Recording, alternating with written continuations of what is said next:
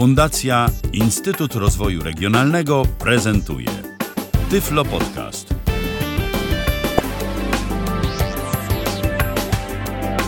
Witamy w odcinku Tyflo Podcastu na. Ja naszego realizatora proszę może jednak o nieco wyłączenie nam tego podkładu, y, który tu jest, bo troszeczkę rozprasza. Witam bardzo serdecznie przy mikrofonie y, Michał Dziwisz. Nie powiem, że za konsoletą y, Tyflo Radia, bo dziś realizuje nas Tomek Bilecki, a nie jestem dziś sam w audycji, bowiem jeszcze mamy dziś dwóch znamienitych gości. Jest z nami Piotr Witek. Witaj Piotrze. Witam, witajcie wszyscy. I jest z nami również Damian Przybyła po raz pierwszy w Tyflo Podcaście, w Tyflo Radiu. Witam cię serdecznie, Damianie. Witam wszystkich słuchaczy. A dziś rozmawiać będziemy na temat komputerów z nadgryzionym jabłuszkiem w logu, czyli na temat komputerów firmy na temat Maców. No, jeszcze naprawdę dużo różnych określeń jest na te komputery. Zarówno ty, Damianie, jak i ty, Piotrze, jesteście użytkownikami tych urządzeń od pewnego czasu. Może na dobry początek pochwalcie się swoim stażem w makowej branży. No może Damianie od ciebie zacznijmy. E, ja używam tego urządzenia od no, półtora roku. A ty Piotrze? Mhm. To ja tu jestem świeżynką w tym towarzystwie mm, i chciałbym chętnie poopowiadać o wrażeniach osoby, która przechodzi właśnie z Windowsa na komputery firmy Apple. Ja od pół roku użytkuję mojego Maciusia. O, no proszę, Jakie, jaka, kolejna, jaka kolejna nazwa? Myślę, że jeszcze tych określeń na komputer Apple znajdziemy kilka w trakcie dzisiejszej audycji, ale wszystko po kolei. Ja jeszcze dodam, że do dyspozycji naszych słuchaczy jest, jest nasz Skype o loginie tyflopodcast.net oraz nasz numer telefonu stacjonarnego 123 834 835. Przypomnę, to jest numer telefonu stacjonarnego z krakowskiej strefy numeracyjnej. Zatem płacicie jak za połączenie z numerem z Krakowa. To teraz pytanie, yy, myślę, że pierwsze i zasadnicze. Co Was skłoniło do przesiadki na Makaj? Czy to jest rzeczywiście taka przesiadka? Bo mm, zarówno wiem to Ty, Piotrze, jak i Ty, Damianie, jesteście użytkownikami no, komputera już od jakiegoś czasu, znacznie dłużej niż yy, ten czas, kiedy użytkujecie komputery firmy Apple. Natomiast y, wcześniej były Windowsy, no i czy te Windowsy jednak nadal są w waszym życiu, czy to już była taka definitywna migracja na nadgryziony komputer? To tym razem Piotrze, może od ciebie zacznijmy. No to powiem tak, jeśli chodzi o domowe zastosowania, to to jest e, tylko i wyłącznie mój jedyny komputer, jeśli chodzi o, o dom. W pracy nadal chcąc nie chcąc muszę używać e, służbowego komputera, na którym jest system operacyjny Windows, więc jak gdyby nie rozstałem się z tym systemem, e, ale poprzez to, że korzystam e, w domu właśnie z komputera Apple, łapię się na tym, iż pewne rzeczy mm, zaczynam próbować robić na Windowsie tak jak właśnie na komputerach firmy Apple i obawiałem się na początku właśnie odwrotnej sytuacji, że na komputerze, e, na moim MacBooku będę miał problem i będę przynosił pewne zachowania z Windowsa właśnie na Maćka, a tu się okazuje, że nie. Możliwość korzystania m.in. z gładzika, o czym pewnie później powiemy, e, jest e, tak fajna, że niemal codziennie łapię się na tym, że szukając jakiejś informacji na stronach internetowych, odruchowo smyram palcem touchpada w klasycznym komputerze, bo próbuję, próbuję sobie ułatwić, usprawnić pracę, tak jak ma to miejsce mm, właśnie w Facebooku. Niestety jest to niemożliwe, więc tak jak mówię, tak samo e, kombinacje klawiszy takie podstawowe typu, typu kopiowanie czy, czy, czy wstawianie polskich znaków nieco się różnią i łapię się na tym, że e, przenoszę to na Windowsa. A ty Damianie? No, że może tak. Mój, moja przygoda z komputerem to się zaczęła w ogóle od systemu DOS którego jeszcze w dzisiejszych czasach nikt nie pamięta. Ja jestem trochę Czyli możemy młodszym słuchaczom stażem powiedzieć dawno, dawno temu. Tak, dawno, dawno temu, kiedy komputery miały dyskietki miękkie o pojemności 360 KB i tak dalej. E, mniej więcej ja w tamtych kopalnych czasach rozpoczynałem swoją przygodę z komputerem. Potem były wszystkie możliwe Windowsy. Pierwsze gadające Windowsy, jakie widziałem, to był Windows 3.11 w Stanach Zjednoczonych. No i potem ćwiczyłem wszystkie po kolei, właściwie nie, nie ominąłem żadnego z powszechnie używanych, z wyjątkiem mutacji serwerowych. Yy, I powiem tak. Yy, do zastosowań domowych, zastosowań multimedialnych, yy, Mac jest świetny. Do dźwięku, do nagrywania, do czegokolwiek, do rozrywki jest bardzo dobry.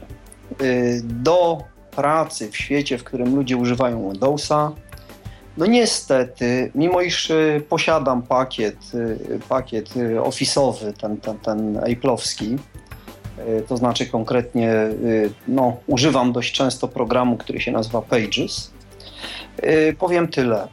On Apple deklaruje kompatybilność tego programu ze, y, ze swoimi, znaczy z, ze światem Microsoftu, lecz niestety są to tylko deklaracje. Dokumenty bardziej skomplikowanie formatowane, to znaczy bardziej skomplikowanie polega na tym, że wystarczy, że w dokumencie Wordowskim pojawi się tabela, y, i page nam się na tej tabeli, przynajmniej z voiceoverem, zachowują dziwnie. Bez voiceovera zresztą też, bo ta tabela się przewija i trudno nad nią mieć kontrolę, co spowodowało y, przy moich y, pracach, ja się zajmuję tłumaczeniami zawodowo, y, no, spowodowało pewne problemy. Także do celów zawodowych niestety w świecie Windowsowym no, używanie Apple'a jest skomplikowane. Dobra wiadomość jest wprawdzie taka, że można sobie na komputerze Apple'a, można sobie zakupić Windowsa i postawić taki komputer dwusystemowy i w jednym komputerze mieć jedno i drugie, i szczerze powiedziawszy, y, skłaniam się coraz bardziej ku temu rozwiązaniu, ponieważ y, no, y, szczerze powiedziawszy, oba te światy mają wiele zalet i równie dużo wad. Nie ma czegoś takiego, że któryś z nich jest lepszy, a któryś gorszy. Może... Skoro już mowa o stawianiu Windowsa na Macu, to powiem wam taką ciekawostkę, którą ostatnio wyczytałem. Jedna z firm, teraz nie pomnę jej nazwy, robiła taki y, raport, y, który miał za zadanie mm, określić stabilność komputerów z Windowsem. Jakie komputery są najlepsze, jeżeli chodzi o y, instalowanie na nich Windowsa, żeby to wszystko dobrze działało, żeby to działało stabilnie, żeby się nic nie resetowało, nic nie zawieszało. To wyobraźcie sobie, że jeden z pierwszych, y, nie, jedno z pierwszych miejsc, y, jeżeli chodzi o stawianie Windowsa na y, komputerach różnych firm, przypadło właśnie firmie Apple. Okazuje się, że Windows, mimo tego, że nie tworzony z myślą bezpośrednio o komputerach y, właśnie tej firmy, firmy, działa na nich y, w sposób naprawdę bardzo dobry i bardzo stabilny. No także też o czymś to może świadczyć. Komuś by się mogło wydawać, że to taka mm, trochę bezsensowna myśl, żeby kupować Maca, który no wiadomo kosztuje sporo drożej, tylko po to, żeby stawiać tam Windowsa, no ale być może okaże się, że i w tym szaleństwie też jest gdzieś metoda. Tu myślę, Michale, trzeba powiedzieć nieco e, szerzej, bo e, tak jak nie stanowi wielkiego problemu postawienie e, Windowsa na komputerze firmy Apple, tak problematyczne jest postawienie systemu macOS na jakimkolwiek innym komputerze. E, Oczywiście. I o tym trzeba pamiętać. I z tego znaczy, punktu widzenia, jeśli chcielibyśmy pracować w dwóch systemach jednocześnie, to należy jednak pomyśleć o tym, żeby sprawić sobie jakieś takie rozwiązanie, które nam to umożliwi. Tym bardziej, że jeszcze jedna rzecz, jeżeli chcemy być już tak naprawdę w zgodzie z literą prawa, to y, instalować systemu macOS czy OS X, jak kto woli, y, nie możemy na komputerze innym niż urządzenia firmy Apple. Są te tak zwane Hackintosze oczywiście, o których być może nasi słuchacze nieco słyszeli gdzieś tam, ale y, takie komputery mają zainstalowany ten system operacyjny nielegalnie.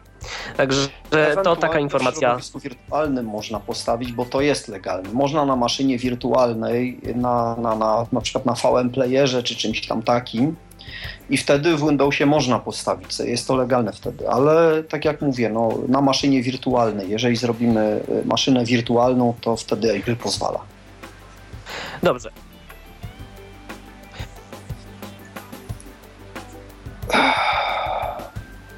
Nie wiem. Czy ktoś z Was o tym wie? Aha, ja się zapytałem na Skype'a, ale tak naprawdę yy, chyba ludzie na Skype'ie myśleli, że mi wysłałem na radio, myślę, że powtórzą pytanie. W każdym razie mam tutaj pytanie, mamy na Skype'a. Czy na system macOS jest, taki, jest tak dobry powiększalnik jak Magic? To ja mam teraz pytanie, czy naszego realizatora także słychać? Nasi słuchacze słyszą naszego realizatora, czy mamy powtórzyć pytanie? Czas, te, w tej chwili już słyszą, yy, jak jak w tej chwili już słyszą, tak. Dobrze, więc... to ja może postaram się odpowiedzieć tak. Mamy na Macu mm, opcję e, tak zwanego zooma, powiększenia i z tego co wiem od osób e, słabowidzących, może ktoś zadzwoni z użytkowników słabowidzących, jest to funkcja, która działa bardzo, bardzo dobrze i myślę, że działa lepiej od Magica, głównie z tego powodu, że jest to natywna aplikacja i stanowi integralną część e, systemu. Ale no jak mówię... jest jeszcze zoom tekst na Maca. Mhm, no ale myślę, że ktoś, kto kupuje Maca i ma wbudowanego zooma, mm, to chyba nie będzie sięgał po zoom teksta, chyba że ma on jakieś super e, opcje, e, które są niezbędne, akurat czy to może dla konkretnej wady wzroku nawet. I wtedy, wtedy rzeczywiście można tam wysupłać grosik i kupić sobie zoom teksta. Dokładnie. A teraz może y, pytanie ode mnie tym razem, bo sporo się mówi o tym, że Mac OS y, to jest taki system komputerowy, który dla niewidomego jest y, dostępny już od samego początku, że bez większego problemu można samodzielnie zainstalować system. I Piotrze, pytanie do ciebie tym razem na dobry początek. Czy ty instalowałeś samodzielnie system, czy ten system już y, był dla ciebie dostępny? Jak to w ogóle jest z rozpoczęciem pracy z komputerem Apple? Czy bez okay, problemu wszystko od od samego początku można zrobić? o tym opowiem, bo to jest rzecz, która mnie po prostu zachwyciła w tym rozwiązaniu. Ja może jeszcze tytułem wstępu e, dysponuję dokładnie MacBookiem R 13-calowym. To jest taki ultrabook, cały aluminiowy, bardzo zgrabny i tak dalej. W każdym razie e, po wyjęciu z pudełka podziwiałem E, samą konstrukcję designerską tego mm, niewielkiego komputera. Po czym podniosłem klapę, otworzyłem ten komputer, żeby przyjrzeć się klawiaturze i ja wiem, po pięciu sekundach może odezwał się system, e, dźwięk systemowy włączania, jak gdyby uruchamiania systemu. Zdziwiłem się bardzo, bo nie, nie dotknąłem jeszcze żadnego przycisku. E, I dosłownie trzy sekundy później może odezwał się voice-over, Już w tym komputerze zainstalowana jest synteza mowy VoiceOver i jeśli chcę jej używać, powinienem nacisnąć Command F5. Po wciśnięciu tego skrótu klawiaturowego, od tej pory e, cała instalacja systemu, który tu był jak gdyby mm, dopiero w postaci rozruchowej, tak? Po otwarciu komputera rozpoczyna się instalacja Całą instalację systemu mogłem sobie przeprowadzić właśnie e, w towarzystwie VoiceOvera. Także instalacja dla osób, które kiedyś uruchamiały iPhone'a, czy iPada, czy jakiekolwiek inne urządzenie firmy Apple mm, z systemem operacyjnym wygląda bardzo podobnie. Tam niewiele więcej elementów jest jak w przypadku iPhone'a, czyli po wyjęciu z pudełka bez problemu jesteśmy w stanie sobie samemu uruchomić, e, ustawić system operacyjny. Czy ta instalacja jest trudna? Mm, przechodziłeś y, pewnie nie raz, no podejrzewam, że w towarzystwie mm, jakiejś osoby widzącej instalację Windowsa. Jakbyś to porównał? Jest bardziej skomplikowana od postawienia sobie takiego Windowsa XP czy Windows 7, czy jest zdecydowanie Myślę, że prostsza? Dla laika zdecydowanie prostsza.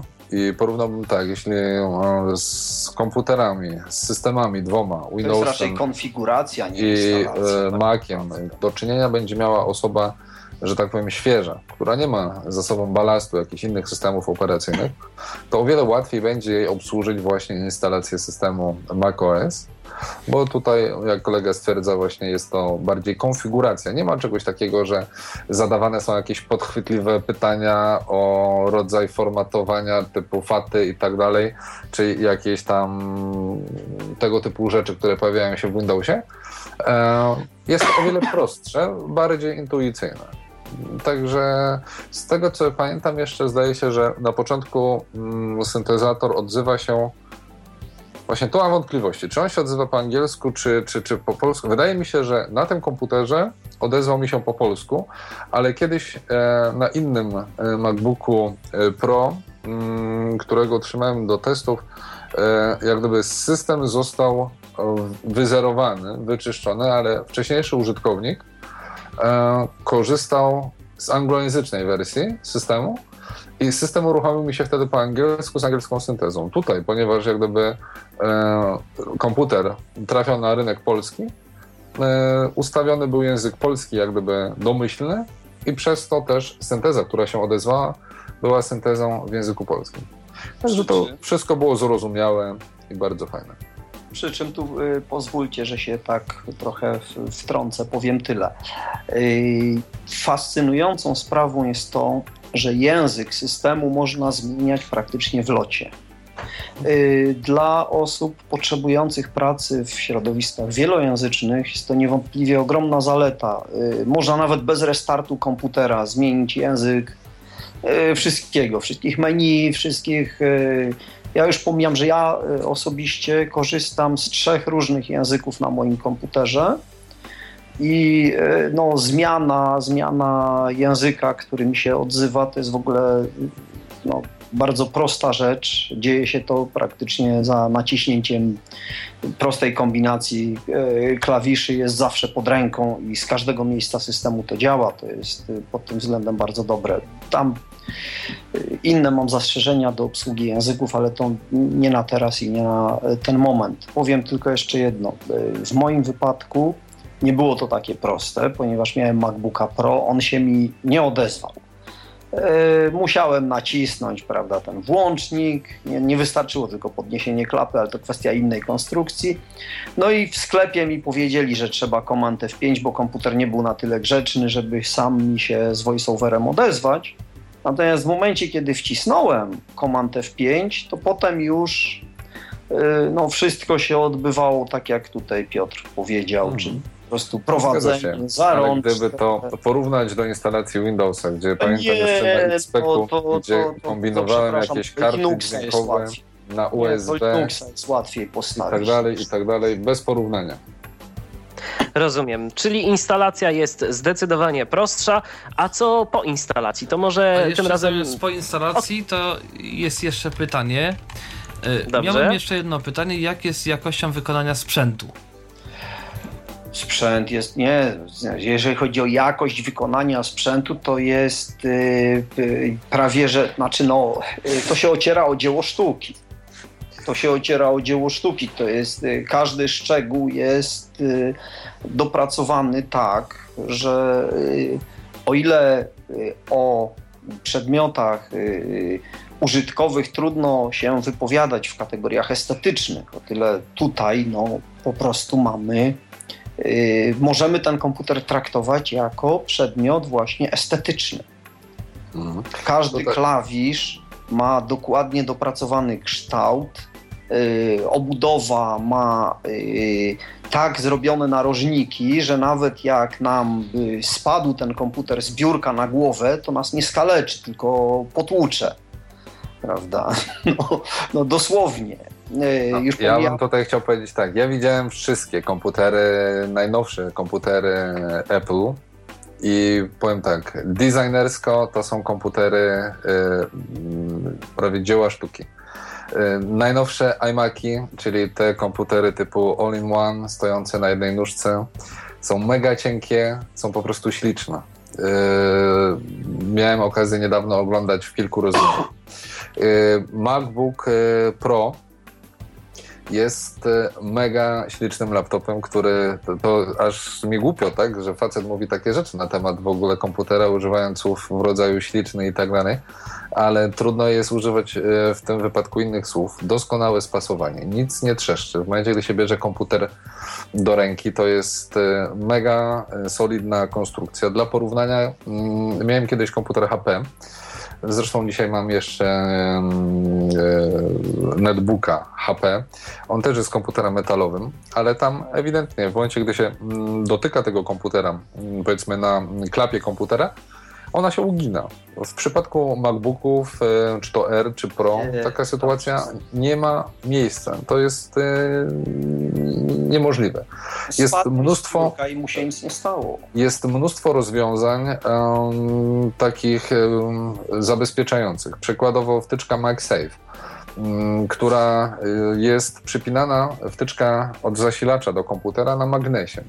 W momencie, gdy pociągniemy, zahaczymy o kabel, nie zauważywszy go, nie widząc go, nie zrzucamy komputera z biurka, nie wyrywamy kabla, on, ta wtyczka się po prostu odczepia. Innym rozwiązaniem w starszych e, MacBookach, które jeszcze miały dyski e, klasyczne, tarczowe. E, były nawet żyroskopy i akcelerometr. W momencie, gdy komputer odbierał system, gdy odbierał sygnał, że komputer nagle przyspieszył w domyśle, że spada skądś, automatycznie wyłączał zasilanie dysku, żeby w momencie, gdy komputer spadnie na ziemię, uderzy, żeby tarcze dysku nie zostały uszkodzone, nie uległy uszkodzeniu, żeby dane nie przepadły. I takich rozwiązań jest mnóstwo. Oglądałem ostatnio e, Mac Mini, to komputer stacjonarny, który, gdyby nie to, że ktoś mi powiedział, że to jest komputer, w życiu bym się nie domyślił. A co to Ma... przypominało z wyglądu? To jest, e, Michale, no teraz mi zadajesz podchwytliwe pytania. Ehm, trochę w ogóle wielkością, designem, trochę kanciasty e, sandwich. Taki wiesz, do robienia e, sandwiczy. No tak, to, to wiem. Coś, to coś takiego. Ze wszystkich stron e, aluminium, tylko z tyłu e, pełno wyjść, na, żeby móc podpiąć monitor, USB i tak dalej, i tak dalej, Thunderbolta. E, w życiu bym nie pomyślał, że to, jest, e, że to jest komputer. W momencie, gdybym postawił sobie na nim monitor, traktując go jako podstawkę pod, e, pod monitor, nikomu by do głowy nie przyszło, kto oczywiście by nie wiedział, że to jest komputer, że to jest w ogóle komputer. No, I teraz... To rzeczywiście. Hmm? To rzeczywiście, jeżeli chodzi o taki design, to, to Apple naprawdę robi ciekawe mm, konstrukcje. Zresztą w ogóle nie wiem, czy zauważyliście, e, ja zwróciłem uwagę na tę rzecz mm, tak dosyć mocno, dlatego że no, różne komputery gdzieś tam do mnie przychodzą, sporo, sporo komputerów gdzieś tam e, miałem okazję rozpakowywać i pakować także.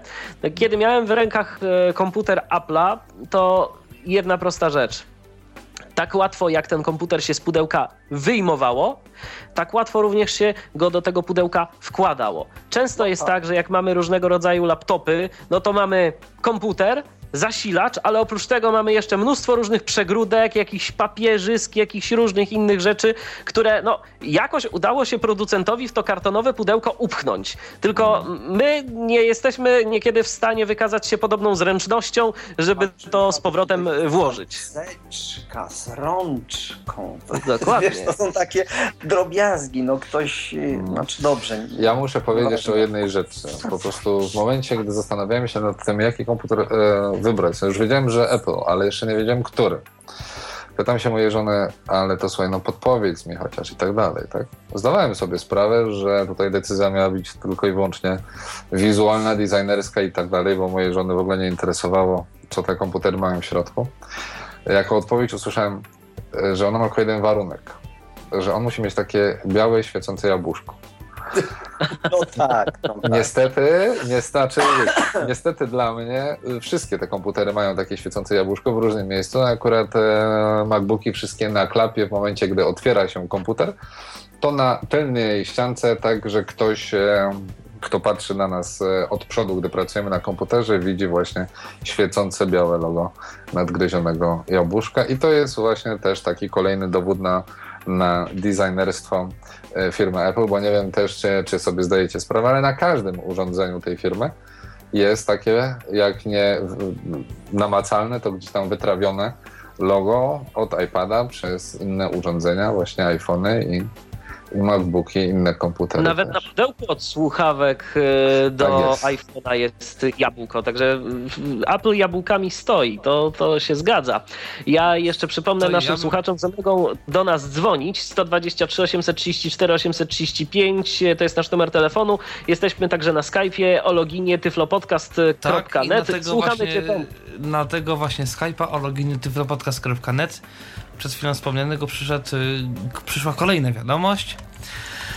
A co w przypadku, gdy przypadkowo komputer za, zostanie zalany na przykład z Coca-Colą, piwem czy z chińską zupką? Niestety mam złą wiadomość, ponieważ mojemu przyjacielowi się to przytrafiło i niestety w czasie imprezy komputer został zalany konkretnie kawą.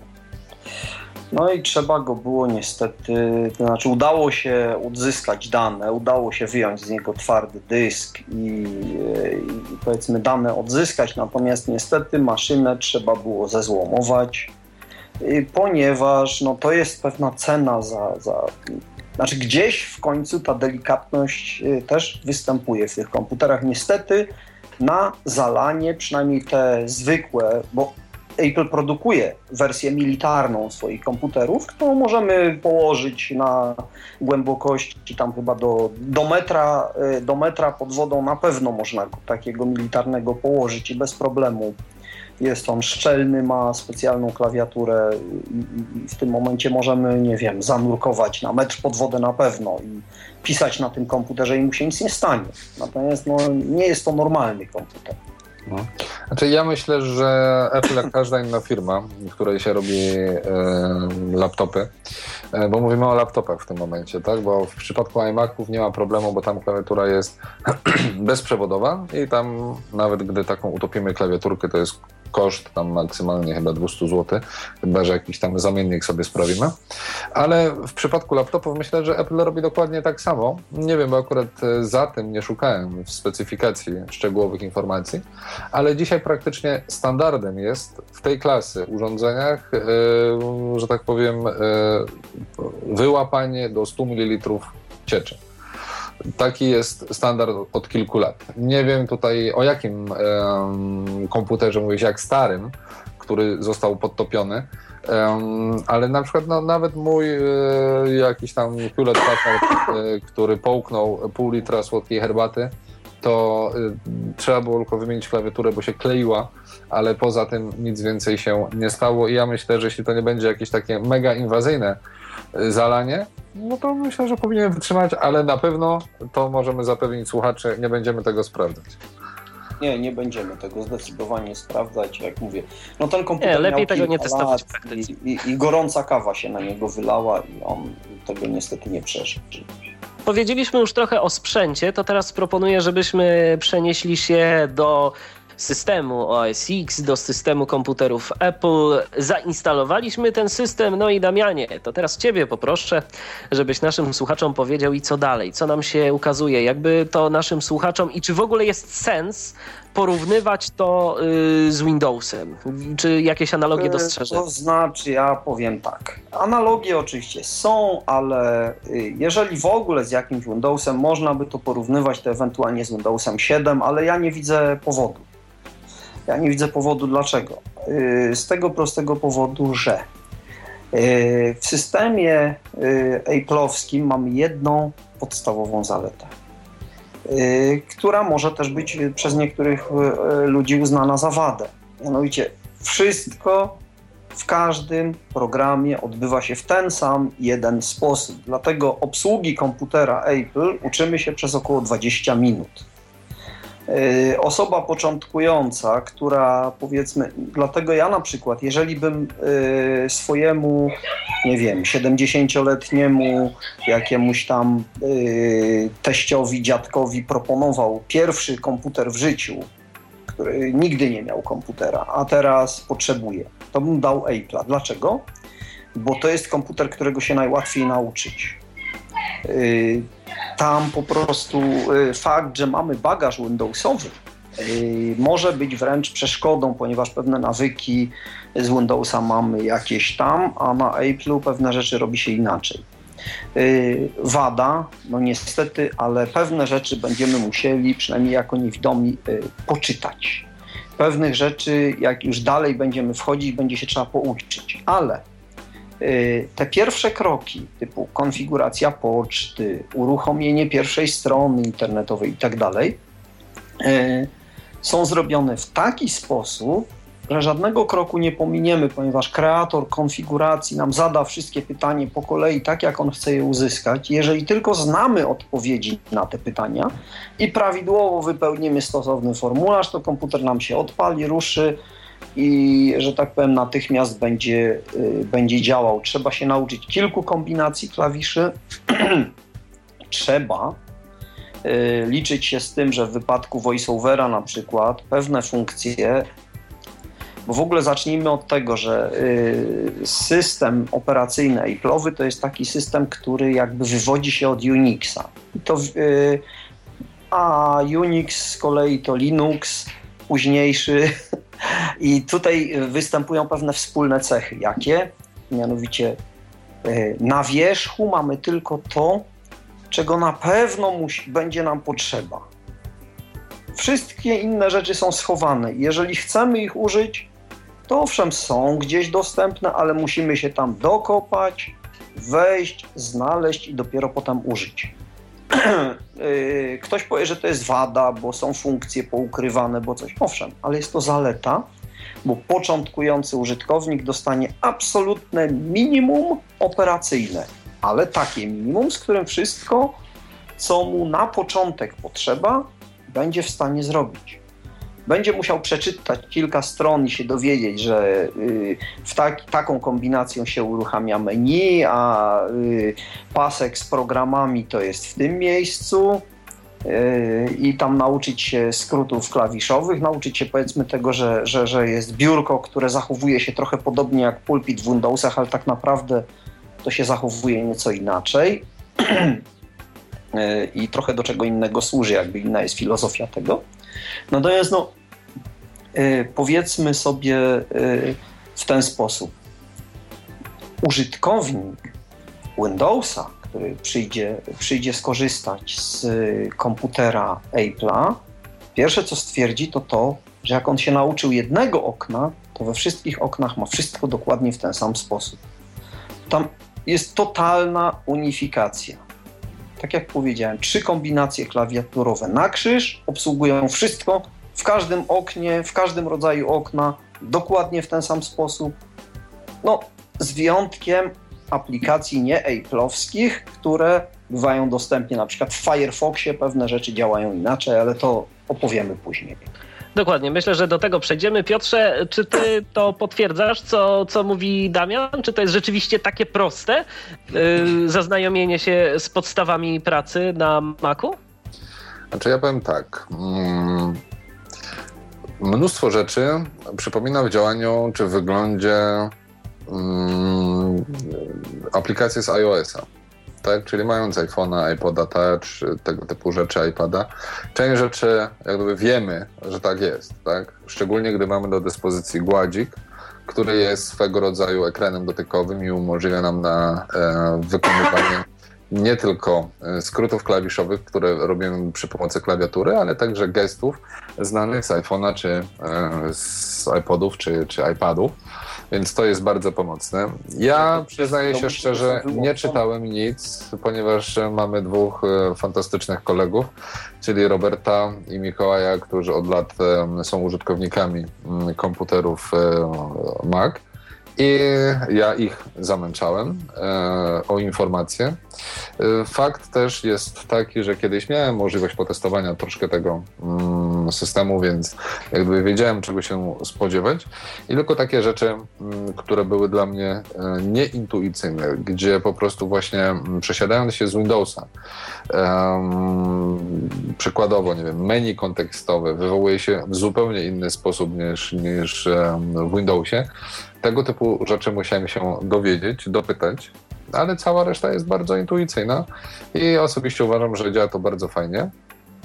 Problem mam, miałem tylko taki, że ja na Windowsie, nawet na Windowsie Nigdy nie korzystałem z eksploratora systemowego.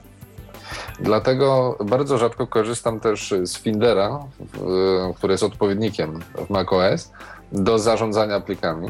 Skąd to się wzięło? Głównie dlatego, że jeszcze od e, czasów DOSa mm, korzystałem z Nortona, Norton Commandera, później Total Com Windows Commandera, Total Commandera i byłem zrozpaczony, że nie mogę w ten sam sposób zarządzać plikami mm, e, tutaj na Maćku.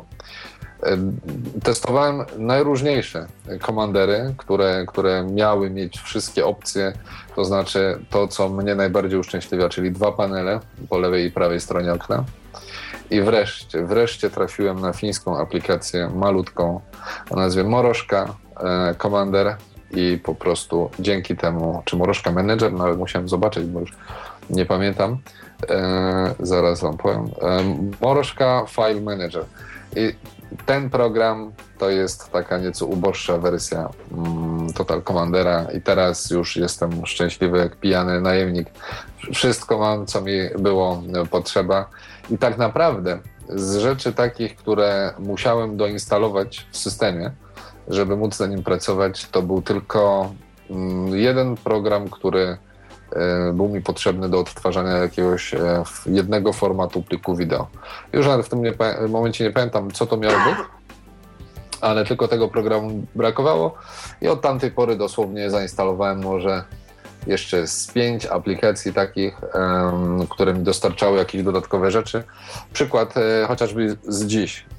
Potrzebowałem przekonwertować, e, zmniejszyć rozmiarowo ileś tam fotografii, żeby wrzucić je na stronę internetową i e, stary, najprostszy sposób który polegał na wysłaniu dużych zdjęć pod jakiś tam adres, gdzie program pocztowy tam czy system zmniejsza te fotki i y, załącza do, do maila, nie chciał mi zadziałać. Na jednym, na drugim komputerze Windows, przynajmniej na moją wiedzę, nie oferuje żadnego natywnego narzędzia, do, do, aby tego dokonać.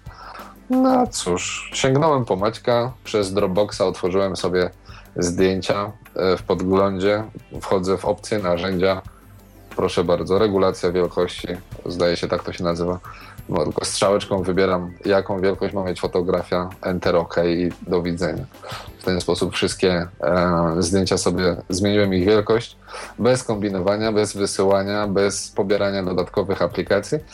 To jest to, o czym była mowa. Mnóstwo rzeczy jest w systemie takich, o których e, filozofom się nie śniło, chociażby, nie wiem, opcja czy możliwość tworzenia audiobooków, tak? Pokażcie mi taką funkcję w Windowsie no to rzeczywiście takiej funkcji nie znajdziemy i nawet y, no, jeżeli chodzi o jakieś darmowe aplikacje, to no, można się pokusić o to, że, no, że znajdziemy takie narzędzia, no ale to już nie jest wcale aż takie oczywiste, chociażby no, darmową balabolkę byśmy na Windowsie sobie mogli zainstalować i, i wtedy z tego skorzystamy. No ale w systemie można sobie tylko o tym pomarzyć. Dobrze, to ja w takim razie proponuję, żebyśmy teraz zrobili sobie odrobinę muzycznego wytchnienia do audycji e, w Tyflo Radiu, Tyflo Podcast na żywo na antenie Tyfloradia powrócimy już za chwileczkę. Przypomnę, że dziś moimi gośćmi są Piotr Witek i Damian Przybyła. Rozmawiamy o komputerach i systemie firmy Apple. tyflopodcast.net to jest nasz login skype'owy, a nasz numer telefonu stacjonarnego, który również jest do Waszej dyspozycji, to 123 834. Jest cały czas Tyflo Podcast na żywo. Przypominam, że wspólnie z Piotrem Witkiem i Damianem Przybyłą rozmawiamy na temat komputerów firmy Apple. Można do nas oczywiście dzwonić, jeżeli ktoś miałby jakieś pytania. 123 834 835 to jest nasz numer telefonu stacjonarnego, natomiast nasz radiowy Skype po loginie tyflopodcast.net piszemy tyflopodcast.net jest również do waszej dyspozycji.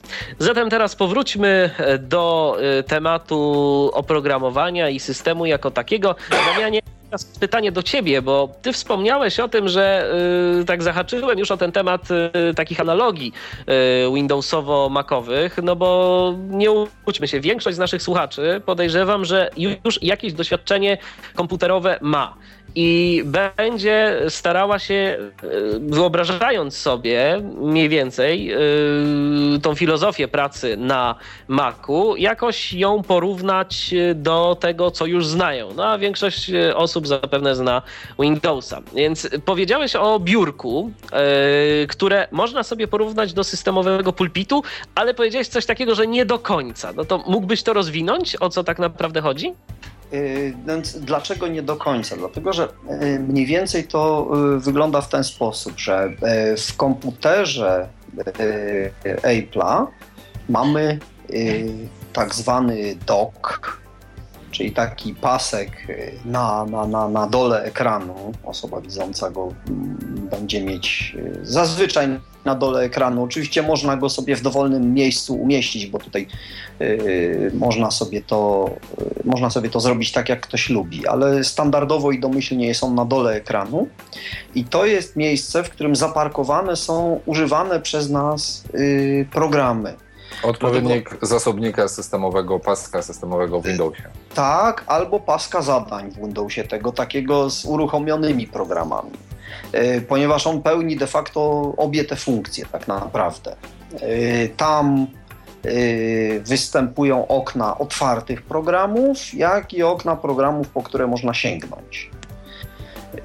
I dlatego biurko raczej jest sensu stricto biurkiem. To znaczy, trzymamy tam porozrzucane nasze papierzyska, z którymi aktualnie coś robimy. Jakieś takie, pracujemy sobie nad jakimś dokumentem, to se go tam na tym biurku zostawiamy, żeby nam było wygodnie. A można jeszcze sobie poprzypinać notatki yy, i jakieś tam inne takie różne, te co chcemy mieć pod ręką i nie chcemy kopać po całym komputerze, bo właśnie wykonujemy jakąś pracę Y, czy ewentualnie trzymamy tam jakieś foldery takie, do których często zaglądamy. Ja na przykład mam folder z prasą na biurku, mam y, folder z y, ćwiczeniami muzycznymi, bo jestem amatorem muzykiem i, i, i, i, po prostu, żeby te rzeczy, te podkłady, do których sobie tam na gitarze ćwiczę, to żeby to było pod ręką, no to sobie to też trzymam na biurku. E, a oprócz tego, jak coś piszę, no to też to mam sobie na biurku, przechowuję, żeby na wierzchu było i żeby tego nie szukać po dokumentach czy po innym jakimś, no to, to tam sobie to trzymam. E, natomiast generalnie skrótów e, klawiszowych, do tak, takich skrótów do programów na biurku raczej się nie trzyma. To znaczy, są pewne wyjątki, znowu powiem, ale generalnie. generalnie ja myślę, że nie można generalizować. Jak ktoś chce, może sobie trzymać. Może, Dokładnie może. Oczywiście wszystko można. Jak takie przyzwyczajenie lubi. z pulpitu, to może tak, sobie zrobić to, z biurka to, to pulpitu. Można. To owszem, można, ale jakby filozofia i ten design, który jest nam proponowany, jest, jest taki, jak powiedziałem. I z tym się chyba zgodzisz, Piotrze, że to tak tak, ale generalnie ja uważam, że dokładnie jest tak jak z pulpitem. Każdy może go mm, wykorzystywać tak, jak mu się żywnie podoba. Ja akurat na pulpicie też mam katalogi, na przykład mówię o Windowsie e, i tak dalej, i tak dalej. Skróty do programów, e, także i, i notatki, i różnie to wygląda, i dokładnie tak samo na biurku. E, także u mnie one pełnią praktycznie tą samą funkcję. Z reguły, mm, tak jak mówisz, programy najczęściej wykorzystywane mogą być w doku, mm, ale z reguły wskakuję w programy przez Findera, gdzie po prostu mam spis alfabetyczny aplikacji i, i na biurku rzeczywiście ich nie trzymam.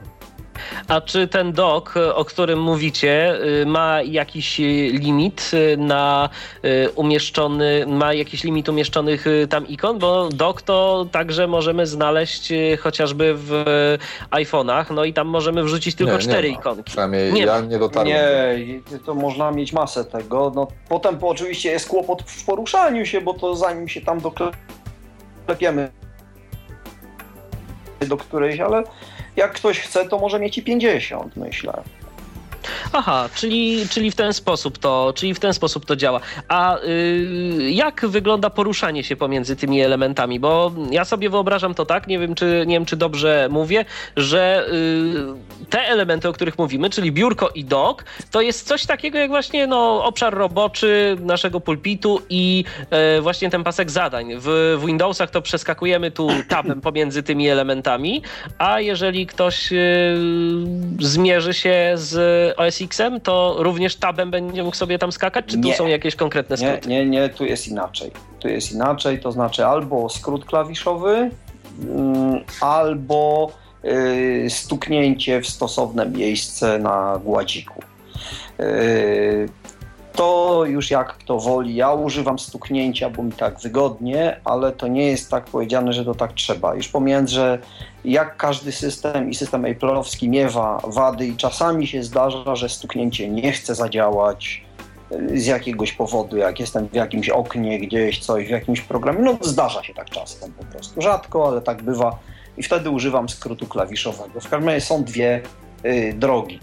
I tutaj różnica jeszcze y, między, między Windowsem a, y, a, a macOSem. Y, taka, że mianowicie y, jeżeli jakiś program ma kilka okien otwartych, to mamy gest, który nam pozwala się między tymi oknami przełączać i wtedy nie biegamy altem i tabulatorem po całej liście wielu, wielu okien, tylko mamy jakby okno na jeden temat, okna danego programu. Powiedzmy, mamy y, otwarty edytor tekstu i jeżeli chcemy się przełączać tylko między dokumentami w tym edytorze otwartymi, to sobie stukamy w odpowiednie miejsce doka i wtedy nam się pojawia lista okien, ale tylko tego programu, jeżeli w nim jesteśmy. Y, Jest to dość y, wygodna funkcja. No, ale to taki odpowiednik trochę Control Tab. Y, powiedzmy No. w przeglądarce skaczemy między zakładkami, no, No to jest na tej tak, samej zasadzie. tak, Alt Tab, trochę Control tak. Tab. Także tutaj jest Trochę analogii bardzo wiele i bardzo często ja w momencie, gdy przesiadałem się na Maćka, e, trochę się bałem, bo trochę ten system taki został mm, trochę to demonizowali, że to będzie jakieś nie wiadomo jak ciężkie i skomplikowane i tak dalej. No a się okazuje wręcz przeciwnie. Ja się przyłapywałem na tym, że na przykład uruchamiałem jakąś aplikację, coś tam próbowałem zdziałać, no i mówię, kurczę, nie da się, no, no, no nie da się, za Boga. Yy, I to wiecie, nie jakieś takie rzeczy, to był tam edytor tekstu, tylko nie wiem, wpadło mi do głowy, żeby sobie nagrać film wideo i go przyciąć samemu, korzystając tylko i wyłącznie z narzędzi systemowych. Myślę sobie tak, kurczę, no skoro jest takie narzędzie, które umożliwia przycinanie i skoro VoiceOver stanowi integralną część systemu, To, powinno się działać. Musi się dać to jakoś zrobić. No i po prostu wystarczyło wpaść na sposób i okazuje się, że da. I można i screencasty robić, zwykłe materiały wideo przycinać przy pomocy voiceovera i tak dalej, i tak dalej. Także mm, zwykle, gdy dochodzę do takiego miejsca, na przykład mam jakiś nowy program i e, dochodzę do miejsca, że nie wiem, dobra, jestem bezradny, już mówię, poddaję się, w tym momencie, jak gdyby docieram do takiej granicy, myślę, nie, nie, nie, to tak nie może być, że, że, że to nie będzie działać, bo na to musi być jakiś sposób. I jeszcze się nie okazało, żeby takiego sposobu nie było. Tu Piotrze poruszyłeś dosyć interesujący temat, mianowicie dostępność e, aplikacji dla VoiceOvera, bo dla tych e, naszych słuchaczy, którzy nie śledzą tematu komputerów Apple, e, to przypomnijmy i powiedzmy to wyraźnie, że te komputery, a właściwie ich system operacyjny, ma wbudowany screen reader, czyli czytnik ekranu, tak jak pod Windowsami mamy NVDA, mamy JOSa, mamy Windowsa, to tam mamy taki program, który się nazywa VoiceOver i on y, czyta, y, on odczytuje różnego rodzaju elementy mm, systemowe i robi to całkiem, całkiem dobrze, a od jakiegoś czasu mamy także polską syntezę, bo kiedyś jeszcze za tę syntezę trzeba było zapłacić, a teraz już mamy vocalizera, mamy syntezę vocalizer w komplecie zupełnie za darmo. Możemy z tego korzystać. No ale właśnie, jak to jest z dostępnością tych aplikacji? Systemowe z natury powinny być dostępne. Ty kiedyś, pamiętam, ty kiedyś pamiętam, Piotrze, w swoim artykule dla Tyflo Świata skarżyłeś się na to, że miałeś problem z Fine Readerem yy, na mm, macOSie. Mhm. Yy, Jak to w tym Już- momencie Już wygląda? mówię, dodam tylko jeszcze, że oprócz tego voiceovera mamy ten program powiększający Zoom, o którym wspomnieliśmy, wspominaliśmy chwilkę wcześniej.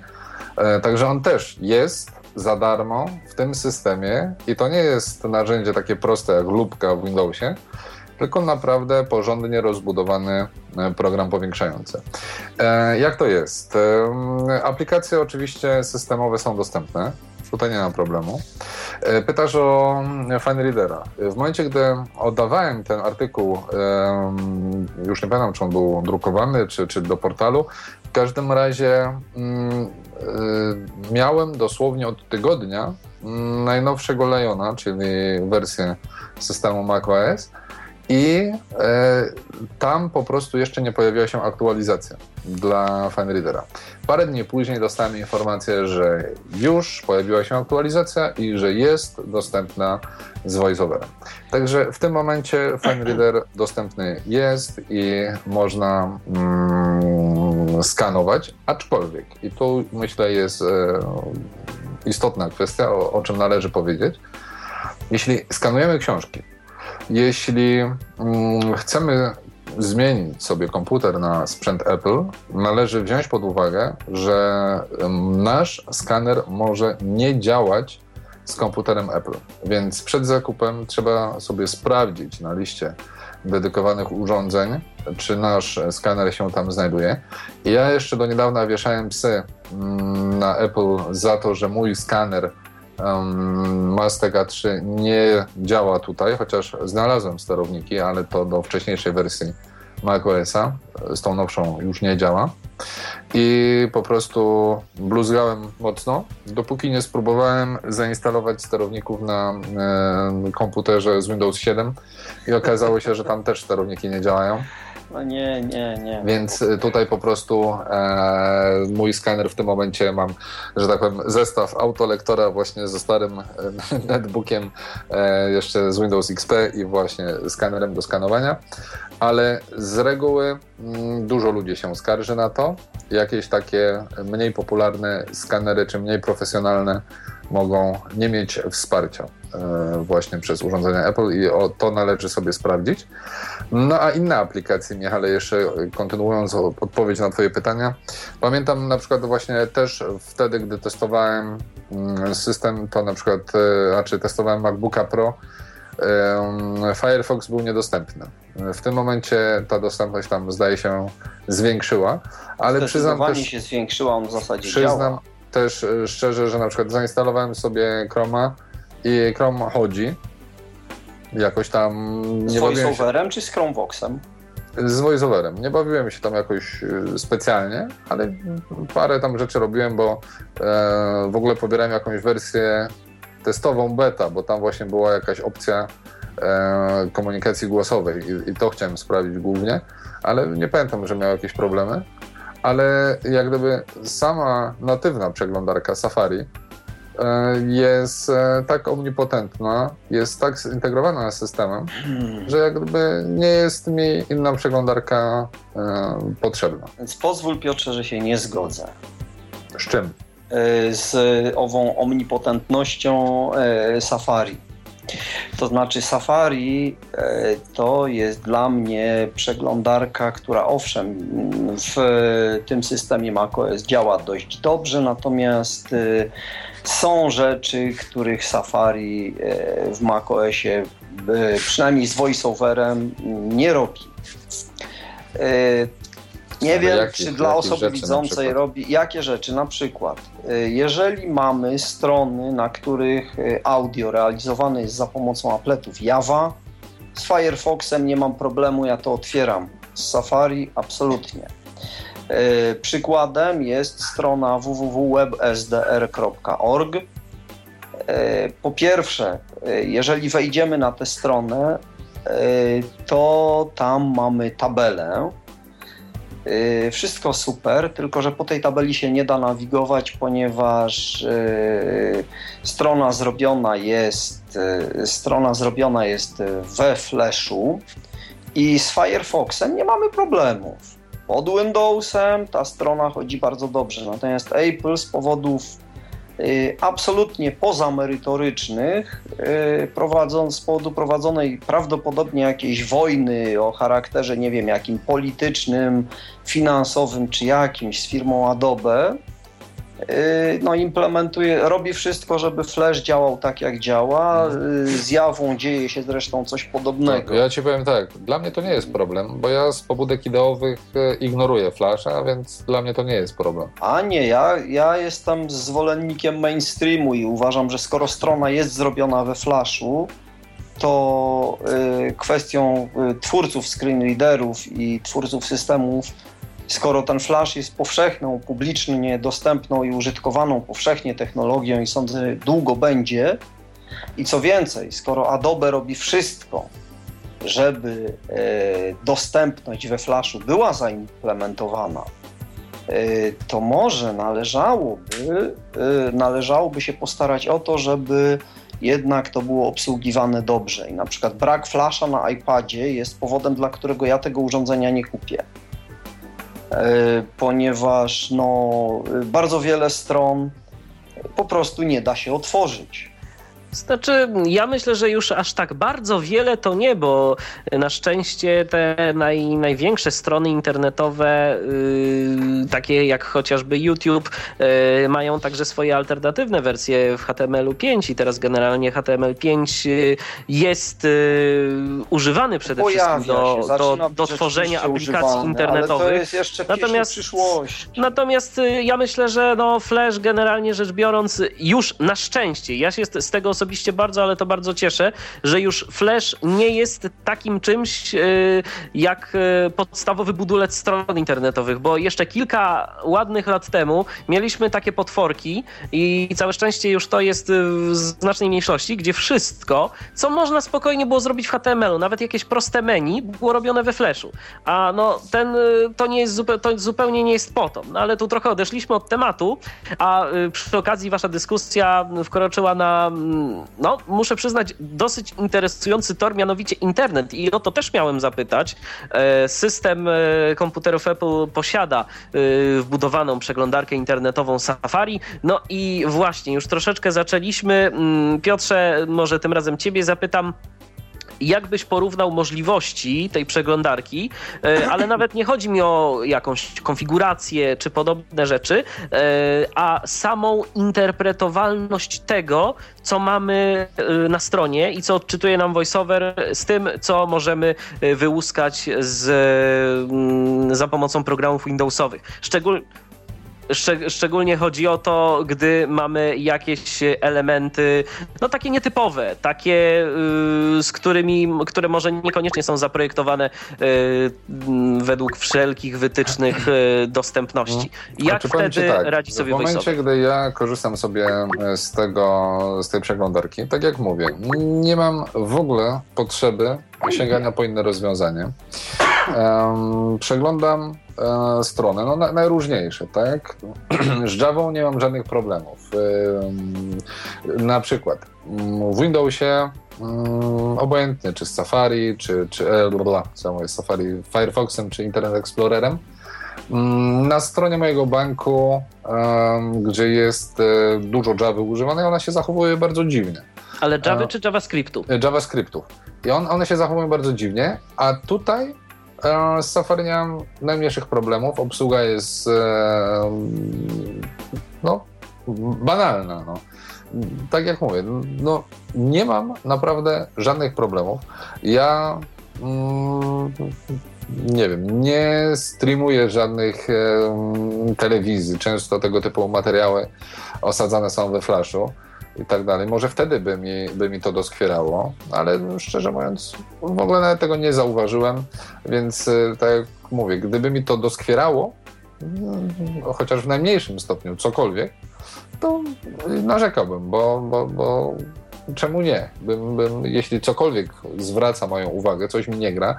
Y, największy problem Safari do niedawna w moim odczuciu, to była niemożność odczytania kodów CAPTCHA. E, od niedawna, e, przynajmniej dla mnie od niedawna, bo, bo, bo przez przypadek wpadłem na taką informację, jak to obejść, bez problemu można sobie, mm, może też nie bez problemu, bo powiedzmy udaje się odczytać powiedzmy 8 na 10 captch, ale jest możliwość właśnie zainstalowania sobie wtyczki do Safari i odczytywania kodów e, obrazkowych, więc to, czego najbardziej mi brakowało, taki mm, odpowiedni web Visum, e, tutaj w tym momencie jest dostępny Safari i, i działa to super. E, w Firefoxie nie wiem, może kolega powie, czy WebVisum działa w tej makowej wersji Firefoxa. Nie sprawdzałem. Uczciwie powiem, nie sprawdzałem, czy WebVisum działa na Macu. E, ponieważ no, e, Firefox, e, tak jak powiedziałeś Piotrze, on jest dostępny od stosunkowo niedawna, to znaczy pierwsza wersja, która w ogóle Firefoxa miała dostępność uruchomioną, już taka stabilna, to była bodajże wersja 16 lub 17 Firefoxa, więc no, stosunkowo niedawno, jak mówię, gdzieś wrzesień ubiegłego roku, powiedzmy październik. Ja nie jestem w tej chwili na tyle jakby zainteresowany, y, to znaczy inaczej. Używam Firefoxa od czasu do czasu i to uruchamiam w wersji tak zwanej Nightly Builds, y, ponieważ on sobie robi telemetrię i przesyła te, te, te, te dane do po prostu do twórców Firefoxa, więc, że tak powiem, w ramach czegoś w rodzaju działalności charytatywnej, żeby niewidomym się z Firefoxem funkcjonowało lepiej. Odpalam różne strony, próbuję tam na nich różne rzeczy robić, poświęcam na to powiedzmy pół godziny w tygodniu wychodząc z założenia, że ślad tych moich prób i potknięć dotrze do twórców y, programu Firefox i spowoduje, że y, pewne rzeczy zaczną działać lepiej, co zresztą dzieje się, bo myślę, że nie jestem jedyny, który tak robi.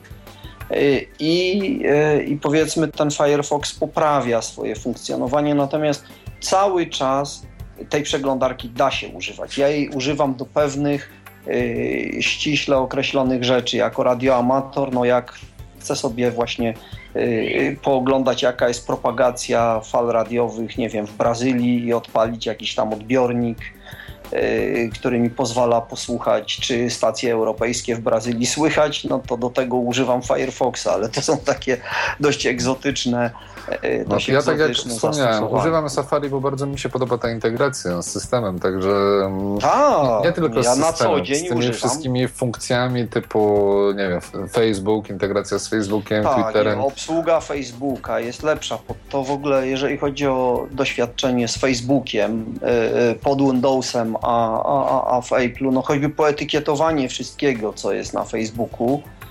jest w Safari lepsze. No właśnie, to od, razu, to od razu zapytam, jak zachowują się takie najpopularniejsze portale społecznościowe? Czy to jest tak, że, y, na, że w systemie macOS dostępny mamy, dostępną mamy jakąś, nie wiem, aplikację do obsługi Facebooka czy Twittera, czy po prostu te strony internetowe, główne, y, Facebooka albo Twittera, y, po prostu najzwyczajniej w świecie dobrze działają z VoiceOverem? Do Twittera mam program, który się nazywa Yoru Fukuro. E, jest to, to chyba tak, tak z japońska jakoś. Tak, tak, tak, bo to jest japońskie coś. E, kolega mi to, e, kolega mi to podrzucił, że to tak trzeba ściągnąć, bo no i ten program sobie zainstalowałem, z tym, że jego nie, do, nie dostaniemy tego programu przez, przez, przez Apple Store, tylko trzeba go a może jest już przez Apple Store, nie pamiętam, wszystko jedno, nie będę głupot opowiadał. Dość, że program, y, program y, jest dostępny, jest bardzo dobrze się sprawuje i Twittera obsługuje doskonale. Ja w tej chwili mam go uruchomionego, on tam sobie gdzieś nie przeszkadza mi i sobie jest. W każdej chwili mogę przejść do okna Twittera i zobaczyć, czy tam coś się coś się pojawiło. Y, pro, jeżeli chodzi o Facebooka, takiej aplikacji, która by nam powiedzmy pokazywała zmiany na Facebooku, ja nie znam. Być może jest. Y, natomiast no, y, nie znam niczego takiego. Znaczy, to chyba nie chodzi o zmianę, tylko o samą integrację z systemem, bo aplikacji rzeczywiście nie ma, ale wszelkiego rodzaju miał statusy, e, powiadomienia tak. i tak dalej trafiają normalnie mm, tak, do w centrum, centrum powiadomień można to mieć, sobie to skonfigurować i to tak, tak. Tak samo z poziomu centrum powiadomień, tak jak na nowym iOSie w iPhone'ach czy iPadach, um, tak samo z poziomu centrum powiadomień można wysyłać e, wpisy um, czy to na Twittera, czy na Facebooka. Tak. No, no to rzeczywiście. Oczywiście to, z poziomu Safari wygodne. linki możesz sobie wrzucać czy na jedno, czy na drugie. Tak, i tam jest z menu można bez problemu sobie wybrać, czy na Twittera, czy na Facebooka. To sobie trzeba tylko tam hasła powpisywać i to raz się robi, to i potem się samo dzieje. Ale na przykład przeglądanie takiego tego streamu facebookowego, czyli to, co udostępniają nam znajomi i podobne rzeczy, to, to też się wyświetla w centrum powiadomień, bo w nie. iOSie no to tego nie mamy. To się trzeba...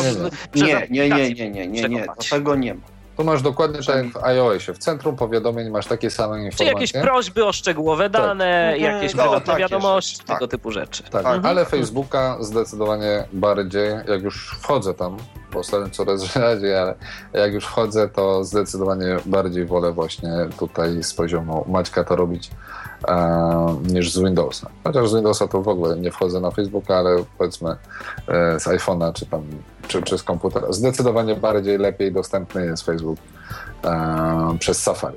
I tutaj myślę jeszcze bardzo e, trzeba powiedzieć parę słów. Już chciałem powiedzieć, że bardzo dobrych i tak dalej, ale może kolega się nie zgodzi. E, o aplikacji Mail do poczty, do programu pocztowego, która na początku wydała mi się mega zakręcona, jak testowałem mm, MacBooka Pro z płaczem biegłem do Roberta, mówię, że to jest jakaś masakra, że tego się nie da w ogóle obsłużyć. A on w ogóle patrzył na mnie jak na wariata, nie, nie pojmował, co ja do niego mówię. I teraz sam się dziwi. Sam się dziwię, bo program jest e, banalny, jest prosty i niewiele bardziej, ja skomplikowany, niewiele bardziej skomplikowany niż na iPhone. Ale to Piotrze, bo tu poruszyłeś dosyć ciekawy, ciekawy temat, że na początku wydawało ci się, że jest to trudne. A czy jesteś w stanie powiedzieć, dlaczego ci się tak wydawało? Dlaczego tak było? A czy powiem wiem, tak. Piotrze, chyba, że z tego samego powodu, co i mnie pewnie. No nie wiem. Nie byłeś początku... w stanie przechodzić. No nie byłem właśnie, nie byłem w stanie ogarnąć samej struktury e, skrzynek. O, tak bym powiedział. Czyli tak jak mamy, nie wiem, powiedzmy jeszcze analogię do Outlooka, tak? E, skrzynka odbiorcza, nadawcza i tak dalej, i tak dalej. Nie mogłem się w ogóle odnaleźć, jak e, wejść w tą skrzynkę, jak, e, jaka tam jest struktura, czy to jest drzewko, czy to są katalogi i tak dalej, i tak dalej. No i dzisiaj powiem szczerze, że nie wiem, jakaś pomroczność jasna. Nie, nie mam pojęcia, czemu w ogóle tego nie rozumiałem. A ja mam pierwsze. Ja wiem, no dlaczego tak było. Otóż dlatego, że tam, znaczy w, w odróżnieniu od, od Outlooka czy innych rzeczy, musimy się poruszać po płaszczyźnie. I pierwsze, co ja pamiętam swoje pierwsze wrażenia z okna mail, że jak to ja tutaj coś próbuję zrobić, a tu jest jakaś dziwna, jakieś dziwne rzeczy. Tu strzałkami się poruszam w prawo, w lewo, to inne rzeczy mi gada, a tu mi gada zupełnie inne. I nie do końca sobie zdawałem sprawę, że to przecież jak zmienię linijkę w tym miejscu, to on mi trzyma i mówi to, co jest w tym jakby innym yy, miejscu na ekranie, że tu są statusy, a tu są obiekty, do których można wejść i że jak się użyje tabeli, dajmy na to skrzynek, to trzeba skończyć te interakcje, prawda? Te, te, te nawyki takie, których z pod Windowsem nie mamy, prawda? Że, że trzeba Myślę, że jedną rzecz przeraziłeś wszystkich naszych słuchaczy. Właśnie, właśnie i, i to i ja, tak, ja tak celowo nie przerywam, bo, bo chciałbym was e, pociągnąć za język a propos właśnie tych interakcji yy, i yy, wo kursora i, podo, i podobnych rzeczy, bo to jest to, coś, Już ci powiem, co... Michale, bo powiem ci tak, bo właśnie mhm. słuchałem tutaj wypowiedzi i yy, widzę siebie jeszcze tam parę miesięcy temu, jak po prostu z niedowierzaniem kręcę głową co ten człowiek mówi, że to jest jakaś masakra. E, nie, to nieprawda. bardzo prosty przykład, w ogóle jak mówimy o interakcji, żeby komuś, kto nie miał do czynienia z macOS-em powiedzieć o co chodzi. Słuchajcie, to jest dokładnie tak samo jak wchodzicie na przykład na stronie Google'a w interakcję z polem edycyjnym, żeby wpisać cokolwiek. I potem, jeśli chcemy wyjść z tego pola, to musi to, to kończymy interakcję. I to jest cała no filozofia. Notabene problem, pojawiają się poczekaj, poczekaj. Problem jest taki, że czasami e, są różne metody na wejście w interakcję. Ale zauważyłem jedną rzecz, e, że zdecydowanie w 95% e, wystarczy w, w przypadku MacBooka przeciągnięcie dwoma palcami po gładziku. I w tym momencie e, ja to robię tak odruchowo, że ja w ogóle zapomniałem, co to jest interakcja. W momencie, gdy, nie wiem, wchodzę na przykład na pole edycyjne mm, edytora tekstu, to jest kładąc dłonie na, na klawiaturze, odruchowo dwoma palcami przeciągam przez gładzik i jestem w interakcji i w ogóle tego nie rejestruję już. I dlatego interakcja staje się po prostu swego rodzaju odruchem. Proszę, no bo cię tak, przerwałem. Tak. No, znaczy, no właściwie to y, powiedziałeś w sumie to, co ja chciałem powiedzieć, y, z tym, że ja chciałem jeszcze powiedzieć jedną rzecz, że mianowicie y, w miarę rozwoju systemu tutaj pewne udoskonalenia są wprowadzane. Na przykład w tej chwili niedawno wprowadzono takie udoskonalenie polegające na tym, że jeżeli mamy pole hasła w formularzu jakimkolwiek, to w momencie, kiedy y, w dowolnym trybie nawigacji wejdziemy w pole hasła, y, mhm. to możliwość wpisywania w tym polu włącza nam się automatycznie nie trzeba nic robić, tylko wystarczy zacząć pisać. Mhm. Y, to jest powiedzmy od, od dopiero Mountain Liona. Wcześniej tego nie było.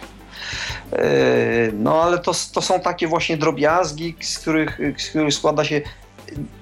Znaczy, ten system jedno, co mnie w nim cieszy, on z wersji na wersję jest rzeczywiście coraz lepszy i coraz wygodniejszy w używaniu i co więcej, y, ta dostępność y, systemu się y, poprawia. Mimo oczywiście niektórych bardzo denerwujących rzeczy, to znaczy VoiceOver na przykład nie ma czegoś, co co w y, Windowsowych czytnikach ekranu jest i co przynajmniej według mojej wiedzy nie ma. Być może to tam można jakoś gdzieś zrobić, pisząc coś w terminalu albo, no nie wiem, robiąc jakieś takie bardziej magiczne rzeczy, których ja nie umiem. E, mianowicie nie ma możliwości tak zwanego reklasowania obiektów w jakimś oknie. Jeżeli dla voiceovera jest o, choćby prosty przykład. Weźmy e, taką aplikację e, dość powszechnie używaną jak TeamTalk. Otwieramy sobie TeamTalka i VoiceOver nam mówi nieznane, nieznane i koniec. W Windowsie nacisnęlibyśmy jakąś kombinację odpowiadającą za reklasowanie obiektów. I on by nam zaproponował listę tam 30 rodzajów obiektów, czy ile tam ma. I metodą prób i błędów na niewidomca byśmy próbowali ten obiekt tam do którejś klasy przyporządkować, co I może, być by może mogłoby się zakończyć powodzeniem i okazałoby się, że tu jest pole edycji, tu jest pole listy, tu jest coś tam. W voiceoverze niestety tego nie ma, co powoduje, że Y, no, jest to sztywny czytnik ekranu. Sztywny mhm. i pod tym względem nieprzyjemny. I TeamTalk nie jest obsługiwalny. Nie jest obsługiwany w żaden sposób. Nie da się tego przełamać właśnie dlatego, że prawdopodobnie brak możliwości reklasowania obiektów. Znaczy, akurat kwestia TeamTalka jest mi poniekąd znana, bo jestem osobiście zainteresowany poniekąd, bo z programu korzystam notorycznie bardzo często. W każdym razie TeamTalk y, również tak naprawdę na Windowsa, gdyby mm, czytniki ekranu nie wspierały y, tych rzeczy pisanych w tym tak zwanym interfejsie QT, to nawet przeklasowanie tam niewiele da, dlatego że to jest w ogóle zupełnie inna jakby biblioteka dotycząca wyglądu aplikacji.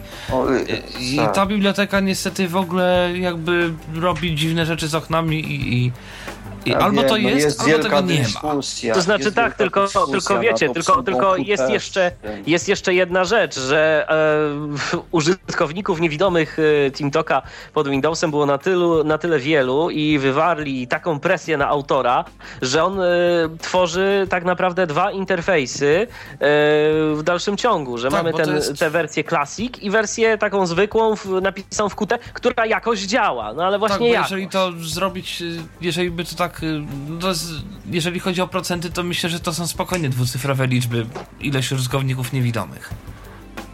Dokładnie. Także, także tak to wygląda. A powiedzcie mi, skoro już mówimy o pracy w ogóle z voiceoverem, ja się spotkałem z takim jakimś podcastem zagranicznym. Nie wiem, czy słuchaliście tego odcinka. On się nazywał Voiceover On. E, to jest taki podcast. On chyba już nawet teraz się nie ukazuje, ale kiedyś e, zebrało się tam kilku ludzi, którzy twierdzili, że oni to pracują w różnych zawodach, w różnych profesjach. No i starali się zastanowić wspólnie, czy e, macOS, czy system Apple'a z voiceoverem to jest system, który nadaje się do pracy. Oprócz, oprócz rozrywki, czy nadaje się do pracy, a jeżeli tak, to do jakiej? Piotr, ty wiem, że y, korzystasz w pracy z Windowsa, ale powiedz mi, tak gdybyś sobie miał przełożyć na y, te rzeczy macOSowe, rzeczy, które robisz na Windowsie, potrafiłbyś, czy czegoś by ci brakowało? E, szczerze mówiąc, nie wiem, tutaj nie sprawdzałem tych tabel, jak to, jak to wygląda z voiceoverem. Um, ale wiesz, e, lubię czytać, tak? Jakieś tam książki sobie szykuję i tak dalej. Mm, dużo rzeczy mam w plikach najróżniejszych. Myślę, że do takiej klasycznej pracy biurowej, mm, no klasyczna, no to jednak nie, bo to są arkusze i tak dalej, no ale powiedzmy inaczej. To jest, Michał, pytanie podchwytliwe. Bo tak naprawdę mm, ludzie, których znam, którzy pracują w biurze, mm, to albo mają komputery służbowe, na których wykonują pewną pracę, a i ewentualnie korzystają z nich także jako komputery domowe, ale używają komputerów służbowych w tym celu, albo mają w domu drugi komputer, który używają w domu, a w domu nie robią tych samych rzeczy co w pracy. Ja bym to rozgraniczył, bo ja jestem dokładnie w tej samej sytuacji w tym momencie. Ja robię na nim wszystko, tylko nie rzeczy związane z pracą. Tu akurat Michał mm, orientuje się, czym ja się w pracy zajmuję. Często mamy do czynienia z różnego, no, przepotężnymi jakimiś arkuszami kalkulacyjnymi itd., tak itd. Tak nie sprawdzałem, jak to działa. Pages nie mamy jeszcze, nie, chociaż sobie obiecuję, że, że sobie sprawię. Znaczy ja nie mam, nie mam tego y, arkusza kalkulacyjnego Numbers, y, mhm. bo właśnie tutaj zaleta y, macOSa kolejna, mianowicie y, w wypadku Microsoft Office'a, jeżeli chcesz mieć legalnie, musisz kupić pakiet. A w Apple nie. nie. Halo. O, chyba Damian nam uciekł niestety, albo to, jakiś reklama problem się... została wycięta. Dokładnie. Ja, reklam... może tak. E... O, chyba, chyba wrócił. Damianie, jestem, jesteś z nami? Jestem, jestem Jesteś. z wami. Cały czas was Świetnie. słyszę. O, no my ciebie już też słyszymy, jakieś małe zawirowania na łączu nam się po prostu no, Nie, ja, ja po prostu chciałem powiedzieć, że, że tutaj jest modułowa możliwość po prostu modułowego kupowania sobie pewnych aplikacji i z punktu widzenia powiedzmy niewidomego użytkownika, który ten budżet ma przeważnie taki, jaki ma, to, to jest to y, jest to istotne. Czy ja jestem słyszany? Jesteś, jesteś słyszany. Dobrze, w porządku. Yy, tylko o to mi chodziło, ale yy, właśnie i, i, i podejrzewam, że, że, że po zainstalowaniu tego arkusza kalkulacyjnego to będziesz mógł Piotrze stwierdzić, czy to, czy to działa. Mhm. Jest jeden problem, yy, mianowicie przynajmniej ja nie znalazłem, nie znalazłem narzędzia dla tłumaczy, takiego, które by z voiceoverem funkcjonowało. Y, tak zwanego y, Translation Memory y, Management Tool, czyli czegoś, jakiegoś odpowiednika Tradosa, czy Fluency, czy innego programu, który, który pozwala robić tak zwane tłumaczenia maszynowe. To jest mhm. istotne w momencie, kiedy robimy na przykład tłumaczenie instrukcji, obsługi, takich rzeczy. To bardzo przy... Zrywa strasznie, czy to mnie no, To znaczy nie, to, to Damian chyba ma... Damian chyba ma jakieś problemy to, na może problemy ten. na łącze. Ja powiem, Więc dobrze, to, jeszcze to ty czekam, Piotrze, ale jeszcze tylko chciałem skończyć, uh-huh. bo tak, myślę, że, bo to sobie sprawdzę oczywiście, planuję, nie wiem, może na koniec miesiąca teraz sobie e, sprawię na długi weekend mm, właśnie Pages i, i Numbers do, do potestowania. Ale powiem tak, e, prace biurowe mało kto chce do domu przynosić. Jak musi, no to musi i wiadomo, wtedy musi brać pod uwagę to, jaką ma maszynę. Powiem, na najróżniejszych dokumentach e, Wordowskich otwierają się bez problemu, bez dodatkowego oprogramowania. E, pliki RTF otwierają się bez problemu. E, ba, otwierają się lepiej. To znaczy, czasami mnie to irytuje, bo na przykład kopiuję coś z internetu, na przykład ze strony internetowej, to mi się kopiuje ze wszystkim. Z obrazkami, e, z linkami aktywnymi i tak dalej, czego, co w Windowsie mi się nie dzieje, tak? Jest tylko jeden problem a propos y, plików. Mianowicie problem kodowania polskich znaków. Znaczy Wszystko nie, jest... E, nie, e, inaczej. Ja to przerabiałem i problem jest z plikami tekstowymi. No właśnie. RTF-y, e, doki, tutaj nie mam problemu. To, to przechodzi, bo ja, tak mówię, korzystam... O ile polskie znaki są w Unicodzie? Bo to o to chodzi, Piotrze. Nie. Jeżeli no, polskie nie. znaki są w DOSie starym, tak jak na przykład... Ale nie, nie, nie, nie w DOSie. Kto dzisiaj z DOSa korzysta? No, Mówimy no, całe, całe zasoby, Piotrze, weź sobie y, Bibliotekę Centralną Polskiego Związku Niewidomych. Jeżeli ktoś kupiłby sobie komputer, dlatego że lubi czytać książki, jest na emeryturze, ma komputer, chce sobie książki poczytać. Tak jak czytał sobie tam gdzieś y, od wieków, ale teraz ma komputer Apple'a, to on bez wpisania w terminal odpowiedniego polecenia, które mu te tam pliki przekonwertuje i tak dalej, do współczesnych y, formatów, ze skanowiska nie skorzysta, chyba że zrobi to online. Ja Ewentualnie y, może użyć ja jeszcze ja tylko chciałem... Stanza, która otworzę i zapiszę sobie na przykład jako RTF i gitara. Ja tylko chciałem przerwać y, na chwilę dosłownie. Wiem, że mamy telefon od słuchaczy, natomiast e, nie wiem czemu Skype mi nie pokazuje, kto dzwoni, nie pokazuje okno do odebrania rozmowy. Jest, nie jestem jej w tej chwili w stanie odebrać. No to niestety, to przykro nam, przykro nam bardzo w takim razie. E, a szkoda, bo, bo myślę, może, że... Może można sprawdzić jeszcze raz, może, Właśnie, może się albo, albo proponujemy zadzwonić e, na nasz numer telefonu 123 834 835. Być może e, dzięki temu uda nam się to połączenie wtedy odebrać. Natomiast ja tak przysłuchując się waszej rozmowie i, i temu, jak opowiadacie o, o systemie, no to dochodzę do wniosku, że jednak chyba dla mnie, dla mnie przynajmniej do pracy, ja nie mam takiego rozgraniczenia. Ja się już kiedyś zastanawiałem nad tym. Mm, I mm, czy, bo ja nie mam takiego rozgraniczenia, że to jest mój komputer y, domowy, służbowy i jeszcze jakiś tam, bo po prostu tych komputerów miałbym trochę za dużo e, ze względu na ilość pracy. E, natomiast e, prawda, jest, prawda jest taka, że po prostu ja kiedyś zastanawiałem się i szukałem jakiegoś na przykład oprogramowania, które mi przydałby się w pracy i o ile. Na przykład do takiego prowadzenia audycji znalazłem e, oprogramowanie nie wiem, czy ono było, było dostępne, bo to jest jeszcze inna bajka, ale yy, na przykład nie znalazłem oprogramowania aktualnie rozwijanego do yy, czegoś takiego jak właśnie emisja radiowa. Jeżeli Maki są postrzegane jako takie komputery do pracy z dźwiękiem, no i okej, okay, faktycznie na przykład Pro Toolsa tam mamy, mamy jeszcze GarageBand chociażby i jeszcze wiele innych tego typu narzędzi. Natomiast no już do bardziej wyspecjalizowanych rzeczy może być problem. Tak jak Damian mówi o swoich narzędziach e, do tłumaczenia, tak jak ja mam y, narzędzia wyspecjalizowane chociażby do emisji, do y, prowadzenia programów radiowych, no to już może być z tym większy problem, a osoby niewidome mogą mieć z tym problem podwójny, bo nawet jeżeli będzie jakieś narzędzie, to jeszcze pytanie, czy będzie one, mm, czy będzie ono obsługiwalne przez voiceover.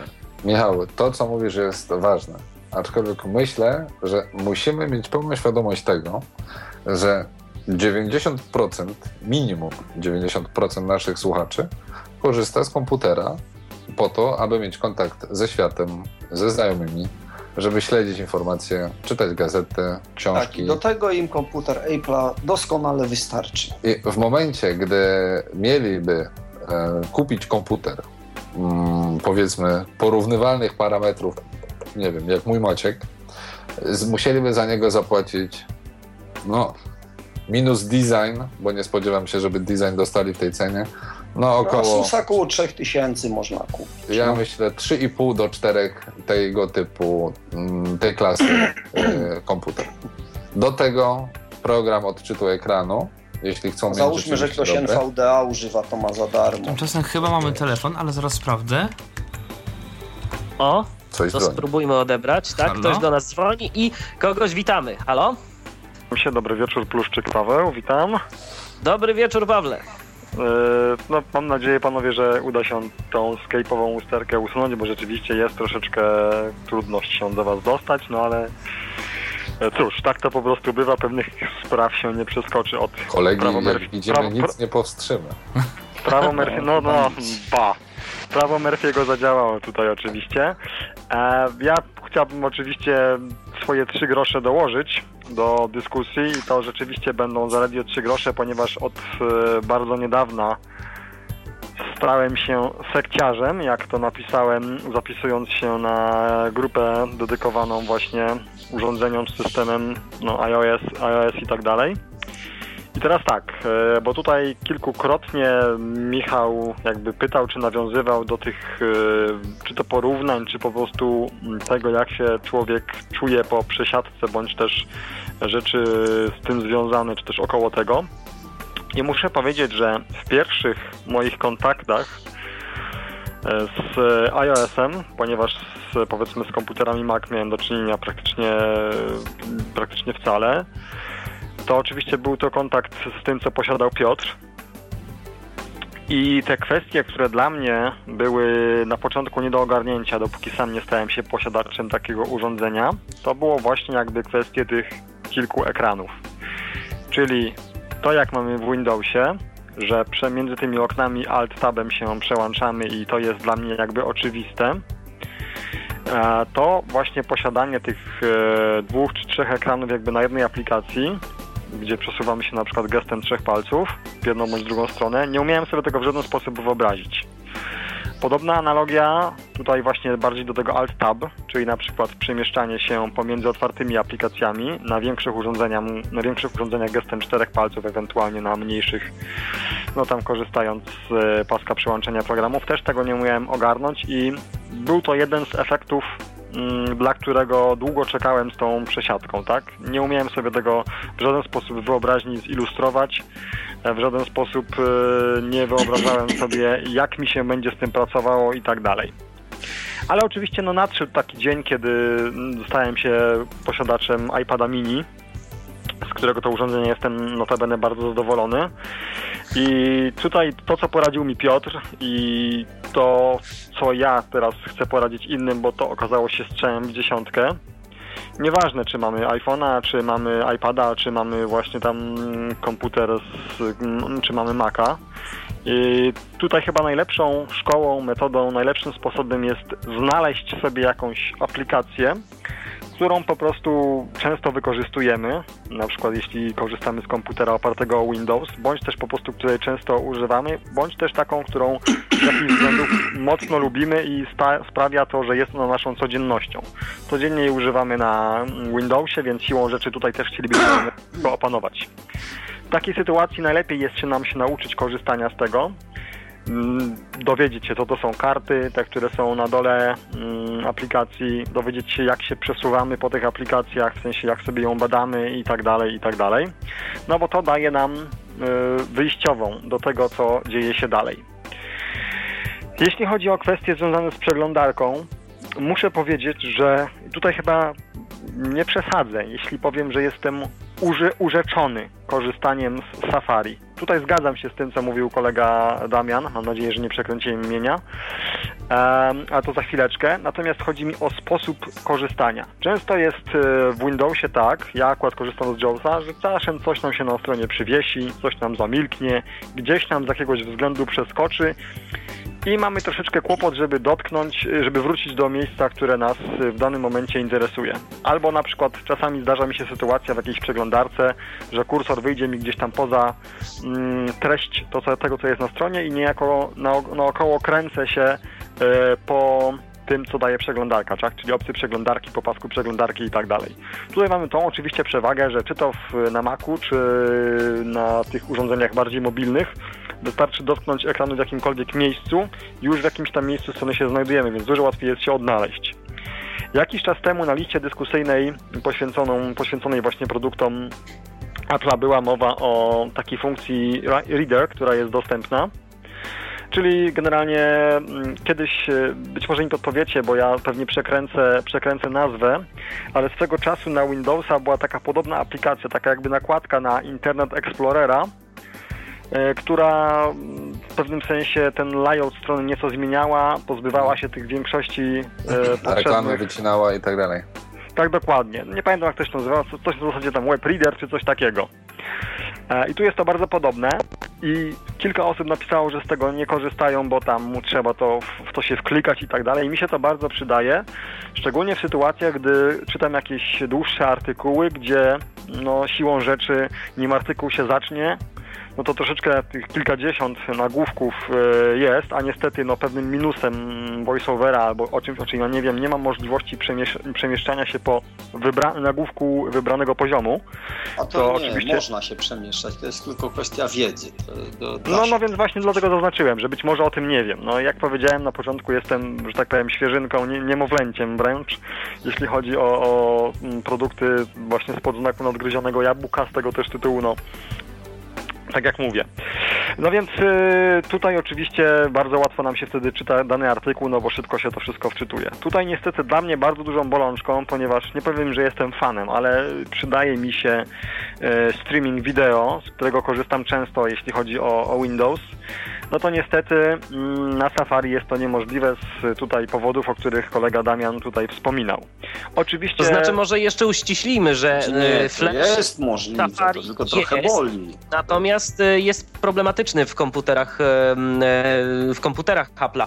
W urządzeniach mobilnych, czyli właśnie chociażby w iPadzie mini, z którego Pawle korzystasz, Flasha istotnie nie ma, ale to jest tylko w przeglądarkach mobilnych. Tak. To jest troszeczkę różnica. W normalnej przeglądarce jest, Zresztą, y, jeżeli tylko instalujemy Skype'a na, na, na, na Macu, to on nam od razu krzyczy, że chce Flasha.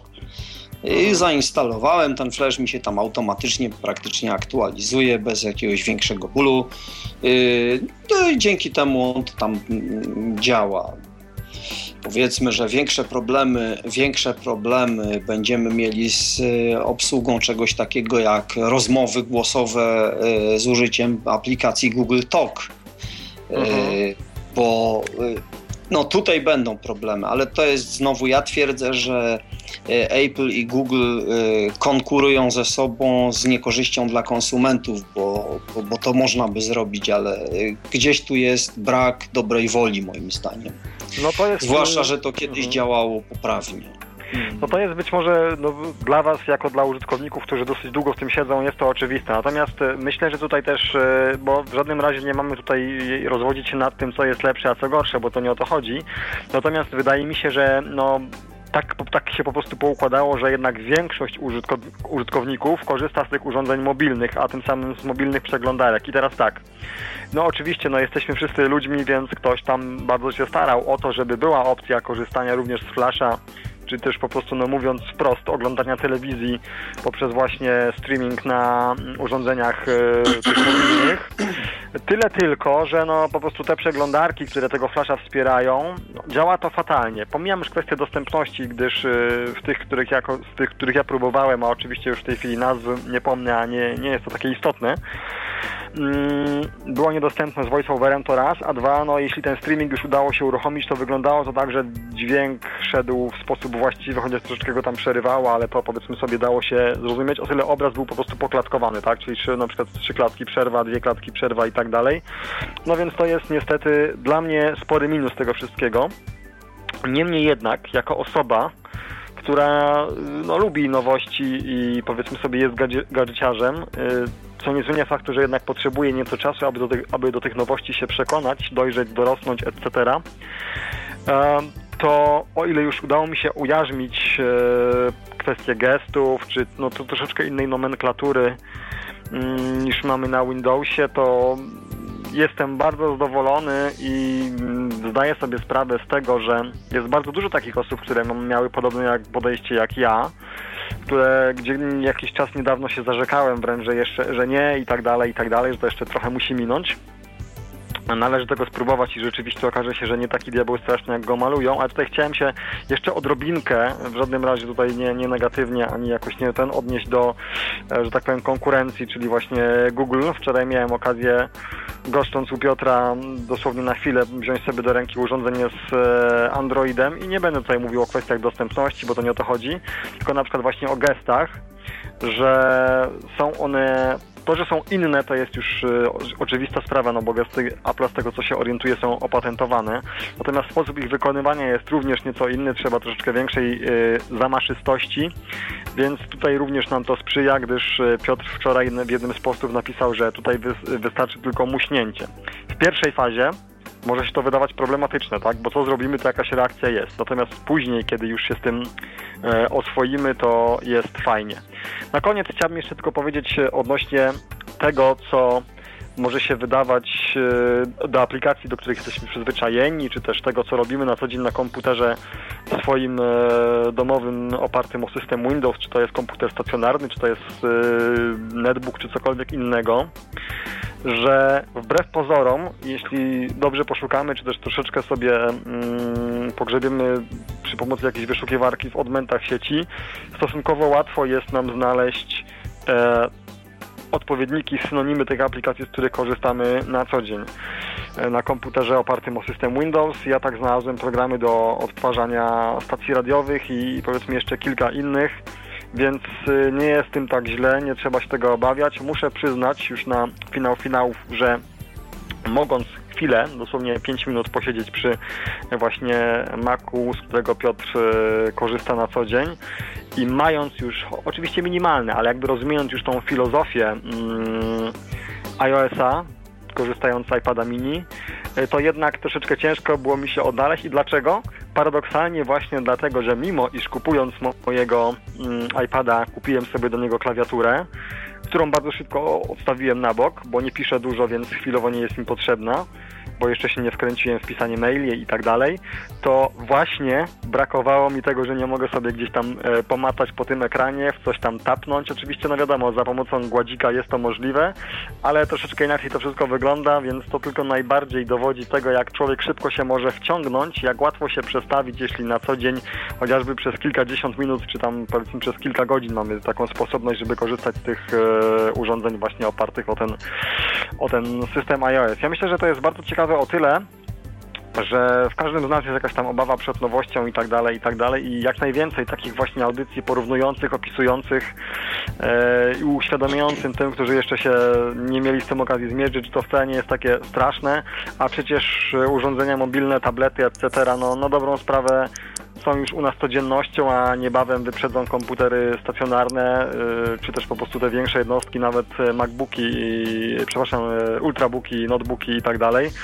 Więc będziemy na nie skazani, dlatego warto się ku temu po prostu zbliżać, wychylać, przyglądać temu i starać się to ogarnąć, bo No bo to jest taka po prostu nasza przyszłość. Dziękuję za bardzo fajną audycję, bardzo serdecznie Was wszystkich pozdrawiam i bardzo dziękuję za tak e, uważne słuchanie mojej osoby i pozwolę sobie na koniec dosłownie 15 mm, sekund prywaty. Chcę bardzo serdecznie podziękować Piotrowi, który e, pomagał mi wkroczyć w te i zgłębić te arkana właśnie iOS-a, bo każdemu życzę takiego przewodnika po tym systemie, jakim jest Piotr. Dobranoc, do usłyszenia. Dobranoc, do usłyszenia. Pawle, my cię z taką uwagą słuchaliśmy chociażby dlatego, że jak ty zaczniesz mówić, to po prostu nie sposób ci przerwać, naprawdę. Ale niemniej jednak bardzo serdecznie dziękujemy za tak obszerną wypowiedź i treściwą, rzeczywiście. Do usłyszenia. E, jeszcze kilka pytań mam, a tu widzę, że czas nas e, powoli zaczyna gonić. Natomiast e, skoro już tu Paweł poruszył kwestię związaną z gładzikiem i Piotrze, ty także już kilkukrotnie mówiłeś o tym, że to tak fajnie jest skorzystać z tego gładzika. Mógłbyś nieco więcej na ten temat powiedzieć? W jakich sytuacjach nam się on przydaje? Y, do czego możemy go użyć? Bo to jest y, rzeczywiście nowość. Y, ja sobie jeszcze w tym momencie średnio jestem w stanie to wyobrazić, mimo tego, że z iPhone'a no jednak już korzystam, a jakoś jeszcze do mnie, jeszcze do mnie jakby ta współpraca gładzika i komputera no, średnio przemawia. No ale zaraz może wszystko stanie się jasne. No więc tak, e, przede wszystkim wiesz, pierwszy kontakt z gładzikiem miałem w momencie, gdy testowałem MacBooka Pro. I tam mi się ten gładzik bardzo spodobał, bo to jest przede wszystkim um, duża powierzchnia.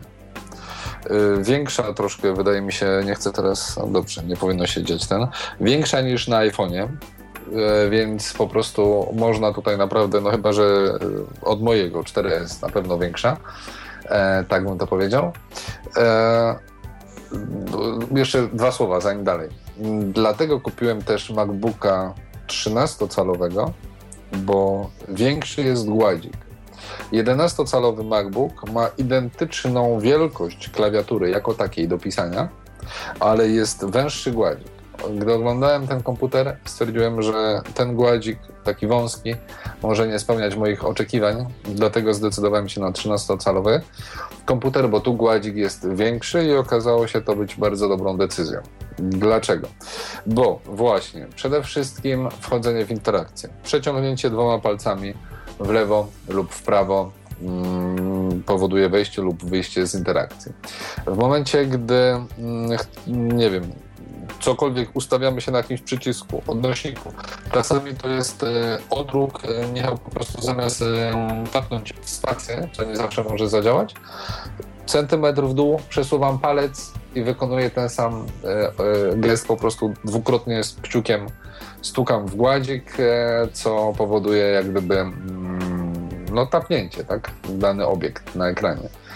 Na stronie internetowej, gdy zapętli gdzieś mi się kursor, tak, fokus, poruszam się y, y, klawiszami strzałek czy tabulatorem, nie wiem gdzie jestem nagle, tak, dotykam mm, na ekranie palcem i od razu dostaję informację przede wszystkim, gdzie jestem, na której części ekranu.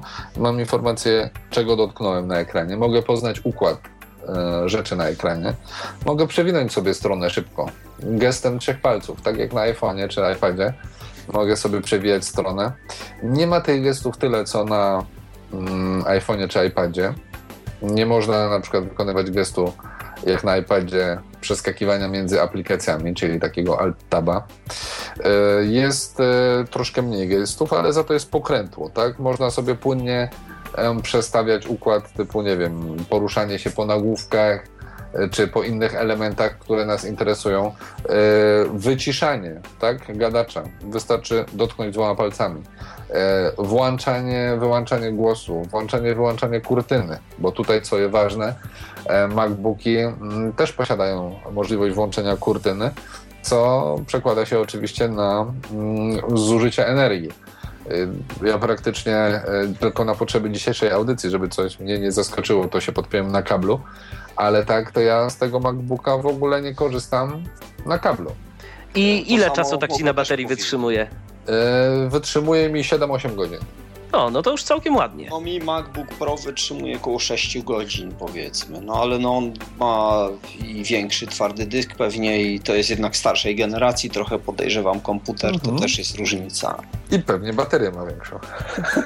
No, wiesz jak to jest, nie no, wiadomo. Ale żeby nie było, tak, bo tu różnice są, Michale, jak pytasz o baterię, też jest, e, to była jak gdyby kolejna rzecz, dlaczego 13, a nie 11. 11 wytrzymuje według producenta 5 godzin, 13 e, 7 godzin. Mówię o MacBookach R, czyli tych Mhm. No tak, to płastszych. są, tak. Pierwsza, pierwsza liga, jak ja to mówię. No nie, ja myślę, że to po prostu inny rodzaj zastosowań niż MacBooki Pro. No może tak. Po prostu in, inaczej na to spoglądam troszkę. tak. No, a w sumie masz rację. Czy coś jeszcze a propos tego gładzika warto by było? Jakieś takiego No, przede ciekawe wszystkim, zastosowania? Jest jeszcze dolna krawędź jest oczywiście uchylna w cudzysłowie, tak? bo to jest cały gładzik jest, e, jak sama nazwa wskazuje, gładki, ale jego dolną krawędź można naciskać i też jak gdyby em, generować e, lewy klik myszy. No ale wiesz, same te odruchy tapania już mi tak wyszły. E, Ale nie wiem, czy to z voiceoverem y, działa, bo wiem, że w którejś tam wersji nie działało i potem tego nie wykorzystywałem. Jeżeli mówisz, że działa, to znaczy, że czuję się oświecony, bo No, znaczy ja też nowego. właśnie co chciałem powiedzieć. Parę razy e, skorzystałem z tego, ale na ogół nie korzystam. Po prostu szybciej jest mi jakoś, wiesz, żeby tam zjeżdżać palcem do krawędzi gładzika, szybciej jest mi wykonać po prostu tapnięcie i, i uaktywnić dany element. No, Mm. Jest to mega funkcjonalne. Michale, ty sam korzystając z iPhone'a czy iPada, sam doskonale wiesz, jak funkcjonalnym rozwiązaniem jest ekran dotykowy i to nie jest tak responsywne, e, responsywny element jak ekran w iPhone'ie, ale umożliwia niewiele mniej. Ale ta responsywność się poprawiła. Ja mam porównanie, jak to było półtora roku temu, a jak jest teraz. Mm, W tej chwili można z tym gładzikiem zrobić więcej. Ja rozumiem, że się nauczyłem pewnych rzeczy, ale na przykład w tej chwili y, trochę to działa jak na iPadzie, to znaczy nie do końca tak, ale działa y, w bardziej interaktywny sposób. Tak. Y, Można dotykać. że osoby, które kupują sobie iMac'a, nie mają gładzika, tak? Bo iMac, czyli przy- No. przypomnijmy, to jest e, ekran i cały komputer jest w ekranie komputera stojącego na nóżce. Coś Tak, takiego, gdybyśmy jest do sobie tego telewizor myszka. taki duży kupili. To Jest tak mniej do- więcej można zobrazować. I Jest do tego taka myszka, e, jak to mój kolega powiedział, tam masz myszkę z powierzchnią do pieszczot, prawda? Bo Tak ona ma. Magic Mouse i tam Tak, można tak. sobie na niej wykonywać gesty, bo normalnie jak gdyby to chyba nie jest w zestawie, tylko można sobie wybrać, bo są, e, już nie pamiętam co tam było. E, Wiem, że są dwa, dwa urządzenia do wyboru. Oprócz klawiatury, właśnie między dwoma urządzeniami można sobie wybrać właśnie jedno z taką powierzchnią do głaska, do pieszczot. Ślicznie, Tak, tak, zobacz. tak. Do głaskania, do pieszczot. A i drugie Tak. właśnie pozbawione tej możliwości, dlatego myślę, że warto, warto się jednak, mm, gdyby ktoś się zdecydował właśnie na, na iMac'a, zdecydować się na, Na tą wybór tej taką, taką pieszczotliwej powierzchni. Tak, tak, zdecydowanie. Chociaż z tego, co mi kolega powiedział, który y, miał do wyboru, znaczy mógł porównać komfort gładzika takiego y, laptopowego z grubsza i, i tej myszki, to on stwierdził, że zdecydowanie woli gładzik, ponieważ no, ta myszka ma mniejszą powierzchnię y, i co za tym idzie, no nie jest to tak komfortowe. Można, oczywiście to wszystko działa, ale nie jest to tak komfortowe jak jak właśnie y, gładzik. To ja mam teraz kolejne pytanie, tym razem Damianie do ciebie, ale może i Piotr również coś e, doda w tej kwestii, bo ty się skarżyłeś, że na e, Maca nie ma programów, które spełniałyby twoje potrzeby. A zapytam teraz tak odwrotnie. Czy znalazłeś jakieś programy, których e, nie znalazłeś na Windowsie, albo które na Windowsie działały gorzej niż te na Macu? Coś takiego jest, Tak, co oczywiście. poza systemem oczywiście. Chyba, chyba że chciałbyś opowiedzieć o tym, co jest w systemie, a czego nie ma w, jakby w Windowsie. I co Znaczy, jest naprawdę powiem dobrym tak. narzędziem. Y, powiem tak. y, obecnie cała moja. Ja jestem w ogóle miłośnikiem muzyki wszelkiej. Y, bardzo lubię. Sam coś tam grywam i, i mam sporą kolekcję muzyczną. W tej chwili moja kolekcja ponad 150 płyt znajduje się tutaj na moich kolanach. e, ponieważ ją po prostu wrzuciłem sobie do, do komputera i e, powiem tyle. Proces był bezbolesny w odróżnieniu od systemu Windows, gdzie oczywiście iTunes działa. Yy, oczywiście wszystkie opcje iTunes są dostępne z czytnikiem ekranu Windowsowym i, i wszystko można zrobić, ale no działa to powoli, topornie, tak jakoś to tak się ślimaczy wszystko. Tutaj to działa pięknie tutaj no, ta przeglądarka z voiceoverem, przeglądarka albumów, przeglądarka tytułów, szukanie po wykonawcach, y, możliwość robienia y, dowolnych składanek muzycznych. Tutaj praktycznie można sobie, można sobie zaprojektować dowolną składankę i ją, i ją posklejać. I to się odbywa w sposób całkowicie bezbolesny naprawdę, naprawdę jest to, yy, no różnica jest in plus dla iTunes yy, nieprawdopodobna po prostu. Oczywiście, z czym są problemy? No problemy są z tak zwanymi aktywnościami niszowymi. Tak jak mówiłem, no tłumacz będzie miał problem problemy są z. Ja jestem y, krótkofalowcem. Pod Windowsem mam jakieś tam narzędzia. W Linuxie to w ogóle jest bajka. Dla krótkofalowca jest cały, można powiedzieć, całe biurko. Może sobie poustawiać wszelkie programy, których by do, chciał używać. Y, dla radioamatora, który ma Maca, no to ma pecha. Bo y, po prostu no, aplikacje, których chciałby używać jako niewidomy. Widzący nie ma problemu, da sobie radę, lepiej, gorzej da sobie radę. Yy, natomiast niewidomy będzie miał problem. Następny problem, który jak do tej pory nie został rozwiązany dla użytkowników Maca, to jest oczywiście problem yy, związany z regulacją głośności, to co rozmawialiśmy, Michale. No niestety, yy, zwykły mikser w Windowsie, który pozwala na regulowanie poziomów dźwięku w aplikacjach. Y, tutaj y, tego nie mamy. tu się jeszcze tym... zatrzymaliśmy po prostu na etapie Windowsa XP.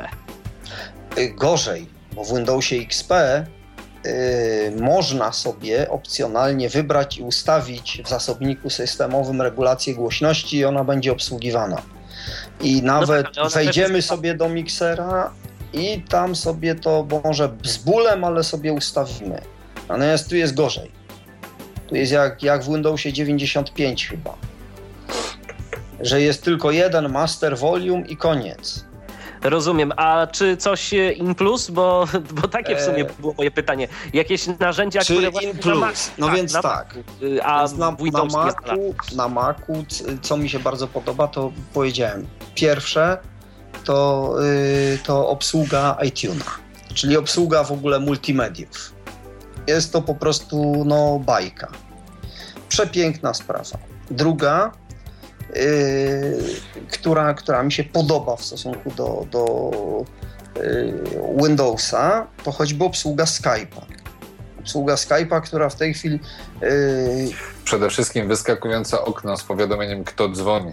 Tak, i ono zawsze działa. I co więcej, w momencie, kiedy to okno wyskakuje, niezależnie w którym programie będę, to w momencie, kiedy ktoś do mnie dzwoni, okno Skype dostaje automatycznie punkt uwagi. W tej chwili to tak jest. Jest brak skrótów klawiszowych. Dawniej to było tak, że to był naprawdę bolesny y, problem. Nie dało się z tym nic sensownego zrobić. który po prostu działa super i też z poziomu komputera, tak jak z poziomu urządzenia iOS, czyli możliwość dzwonienia do ludzi, połączenia wideo, rozmowy no tak, tylko że to jest bardzo zamknięte narzędzie, no bo trzeba tylko dla tych, którzy mają FaceTime'a, prawda? Nie jest no, tylko dla tych, to jest aż dla tych. I teraz no, ja to tak widzę, bo to. No może. Wszystko no. kwestia Piotrze, jakich ma się znajomych. Tak, no, tak, i może coś w tym jest, bo ja powiem tak, praktycznie ostatnio do. Powiem tak, byłem ostatnio na konferencji, gdzie była spora grupa osób niewidomych był jeden człowiek, który nie posiadał iPhone'a i wszyscy się go pytali, ej, czemu też nie masz iPhone'a? I to może jest... No, nie wiem, tak? Tam jeszcze tam przygląda się temu, się nad okay. tym zastanawia i tak dalej, ale e, po prostu y, jak gdyby to jest Nie powiem, że to jest coś takiego, co wszyscy muszą mieć i tak dalej, bo to jest nadużycie. Nie wszyscy tego potrzebują, nie wszystkim to jest potrzebne e, i tak dalej, i tak dalej. Ale do czego zmierzam? Tak jak powiedziałeś, to jest kwestia znajomych. Wielu moich znajomych posiada tego typu urządzenia i ja na przykład teraz nie tylko korzystam z FaceTime'a, korzystam z wiadomości iMessage, tak, które też są w tym systemie zaimplementowane. Ja teraz zamiast sięgać po iPhone'a, żeby odpisać komuś na wiadomość, odpisuję z poziomu y, komputera. Także wysyłam w cudzysłowie SMS-y, tak, bo to nie są SMS, tylko wiadomości wysyłane przez internet ale w ten sposób obsługuję to i jest mi szybciej. Tak, jeśli oczywiście jestem przy komputerze w tym momencie, jeśli mi przychodzi jakaś wiadomość lub jeśli ja chcę do kogoś coś napisać, to po prostu otwieram sobie wiadomości i piszę do tej osoby. I to jest genialna sprawa. Ja chciałem jeszcze powiedzieć o jednej rzeczy, e, która może nie dla tłumacza, chociaż może też być przydatna, ale dla mnie, który w języku angielskim jestem analfabetą, jeśli chodzi o pisanie, bo, bo uczyłem się mm, po angielsku tylko mówić, nigdy pisać. Um, doskonała funkcja dyktowania wiadomości. E, po prostu naciskam jeden klawisz, i wreszcie nie mam problemu z pisaniem z ludźmi, z czatowaniem po angielsku, bo po prostu mówię do Maćka i on za mnie pisze, tak? Czyli nie ma problemu, że, że nie wiem, jak coś napisać. To oczywiście zdaję sobie sprawę, że w ten sposób tylko pogłębia mój analfabetyzm, ale e, mam narzędzie wreszcie takie, które umożliwia mi szybkie czatowanie po angielsku. Nie muszę się zastanawiać, jak coś napisać, sprawdzać, jak coś napisać, tylko to, co wiem, co chcę napisać, po prostu mówię do Maćka, on to za mnie wpisuje i to działa w każdym polu edycyjnym. Ale jest... tego, tego narzędzia nie masz dla macOSa. No jak nie? Właśnie na, o macOSie mówię. Znaczy, Klawisz no nie, jest dyktowanie, rzeczywiście jest dyktowanie po angielsku, no działa po polsku, nie działa, masz rację. No, tak, tak tak, tak. No być może za jakiś czas się doczekamy też tego dyktowania po polsku, kto wie. Natomiast Piotrze, ty y, niedawno jesteś y, po zakupie swojego Maca, więc y, może dla naszych słuchaczy kilka porad od ciebie, jako od takiego świeżaka, jeżeli chodzi o zakup.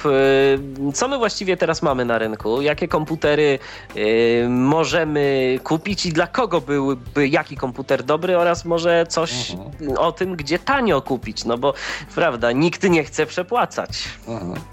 To może najpierw zacznę od twojego drugiego pytania, bo drugie, tam, pierwsze pytanie to jest o wiele większe, o wiele szersze i tak dalej, więc może jak kupować? Okay. Myślę, że um, odkąd, odkąd Pefron uznał um, komputery um, z systemem macOS na pokładzie za komputery, które, e, które można uznawać za sprzęt rehabilitacyjny, warto jest e, zastanowić się nad zakupem takiego komputera i teraz. Jest parę opcji, mm, mówię oczywiście oprócz e, najróżniejszych dofinansowań i tak dalej, i tak dalej, ze środków publicznych. Jeśli chcemy kupić komputer na wolnym rynku, e, mówimy o nowym komputerze, jest parę opcji mm, kupna taniej.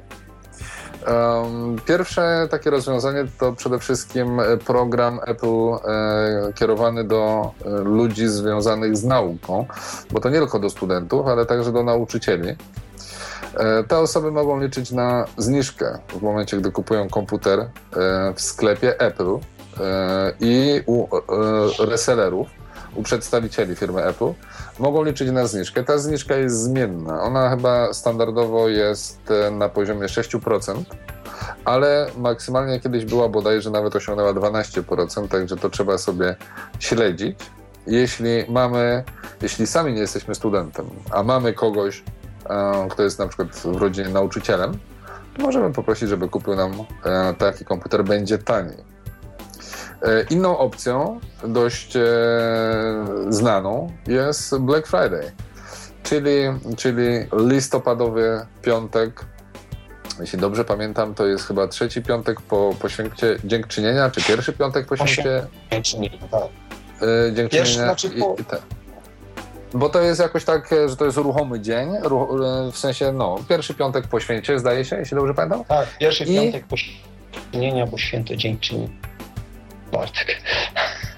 No, urywa mi cię, ale okej, okay, zakładam, że słuchacze słyszeli, ale ja nie słyszałem. Um, w każdym razie wtedy możemy też liczyć na różnego rodzaju promocje. Ja w ten sposób kupowałem mój komputer, bo wtedy um, ponad 10% prawie była promocja na na mój komputer.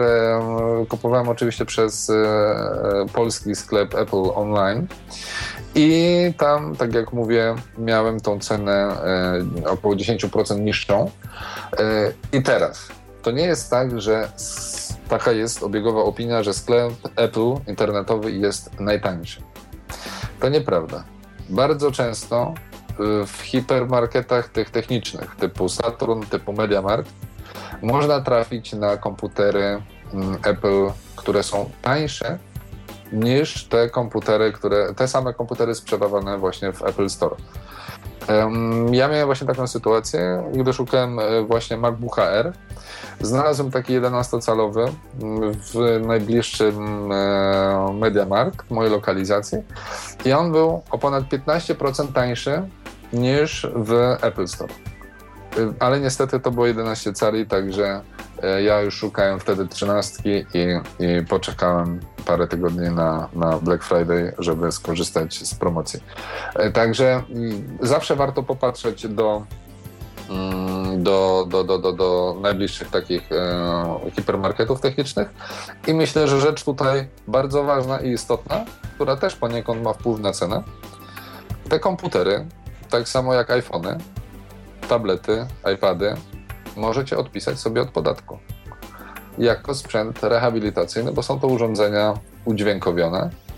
I ja tak zrobiłem z moim MacBookiem w tym roku, ponieważ gada, odpisałem go od podatku i zawsze te parę złotych, które z podatku zostanie mi zwrócone, będzie na plus mm, ceny tego komputera.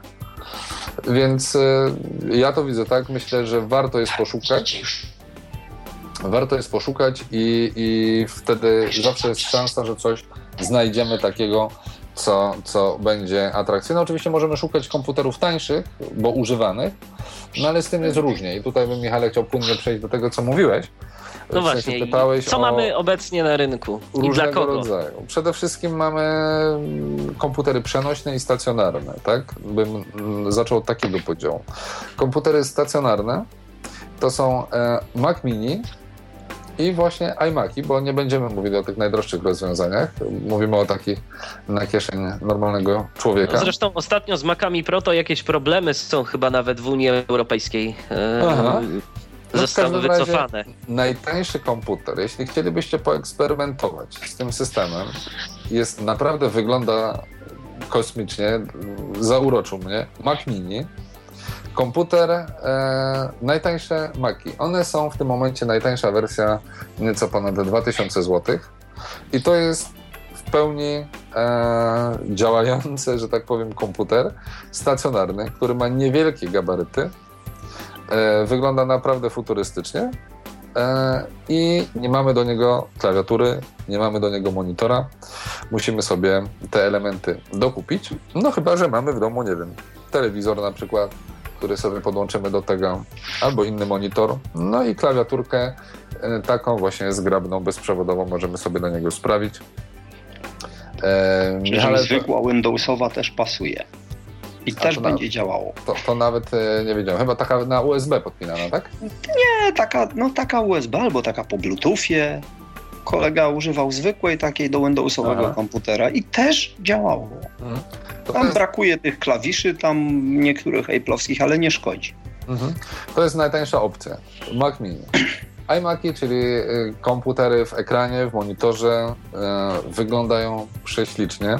Widziałem takie niedawno, po prostu najnowsze nie posiadają już napędu optycznego, nie posiadają DVD. Są mega cienkie, mega płaskie i po prostu tylko się proszą o to, żeby je powiesić na ścianie jako obrazek. E, naprawdę wyglądają superancko. No i tutaj już e, te rozwiązania bym raczej proponował osobom słabowidzącym, bo tutaj mamy do dyspozycji mm, naprawdę duże rozmiary, nawet 27 cali. Oczywiście mm, nie mówię w tym momencie o parametrach, e, procesorach, dyskach, bo to wszystko można sobie konfigurować. Wiadomo, im e, lepsze, lepsze podzespoły tym, sobie no. wybieramy, tym cena jest wyższa. Jak to zwykle. Tak jest. Jeśli chodzi o komputery przenośne, no to tutaj mamy dwa bardzo fajne rozwiązania. Jedne to MacBooki Air. Mm, najprościej, najprościej mówiąc, MacBook Air to taki odpowiednik Ultrabooka. I to nie jest tak, że jak to było jeszcze parę lat temu, gdzie MacBooki R były reklamowane, pierwsze reklamy mm, wyglądały w ten sposób, że ktoś otrzymywał pocztę i z takiej amerykańskiej żółtej koperty A4 właśnie tak, wypadał mu komputer. Wyciągał MacBooka R. Um, dzisiaj, e, ponieważ te komputery są aluminiowe, one nie są najlżejsze. Mój służbowy Ultrabook jest o wiele lżejszy od e, MacBooka R i też nie jest tak, że on jest jakiś e, super mega płaski, bo e, w najgrubszym swoim miejscu MacBook Air jest grubszy nawet od tego Ultrabooka Toshiba. Więc e, oczywiście po krawędziach i tak dalej, on jest taki mega wypłaszczony na, na krawędziach i tak dalej, i tak dalej, także wygląda mm, o wiele ładniej niż ta Toshiba, ale to nie jest tak, że one są jakieś w tym momencie już super lekkie i tak dalej, bo tak jak mówię, ultrabooki na rynku są e, lżejsze nawet.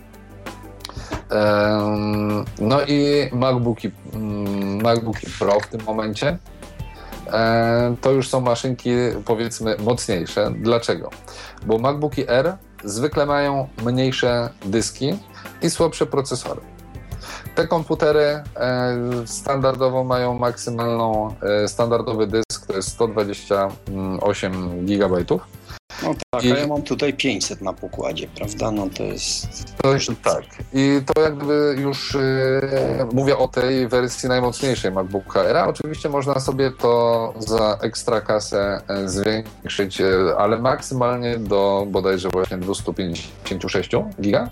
A w MacBookach Pro wydaje mi się, że nawet do 1 terabajta można sobie dysk załadować i te maszyny po prostu są raz, że większe, a dwa z uwagi na jakąś tam moc oblicz obliczeniową czy konstrukcję, tam większe procesory po prostu są wsadzane. Można mieć w ogóle system wieloprocesorowy, który tak działa, że po prostu to się prze, znaczy przekracza wyobraźnię. Tak. Ale to już koszta wtedy też zaczynają. To już szczególnie w tych komputerach Koszta Pro. też zaczynają przekraczać. Tak, ale co chciałem powiedzieć? Chciałem powiedzieć parę słów na temat wydajności mojego MacBooka R który, jak czytałem w specyfikacji, posiada e, wentylatory.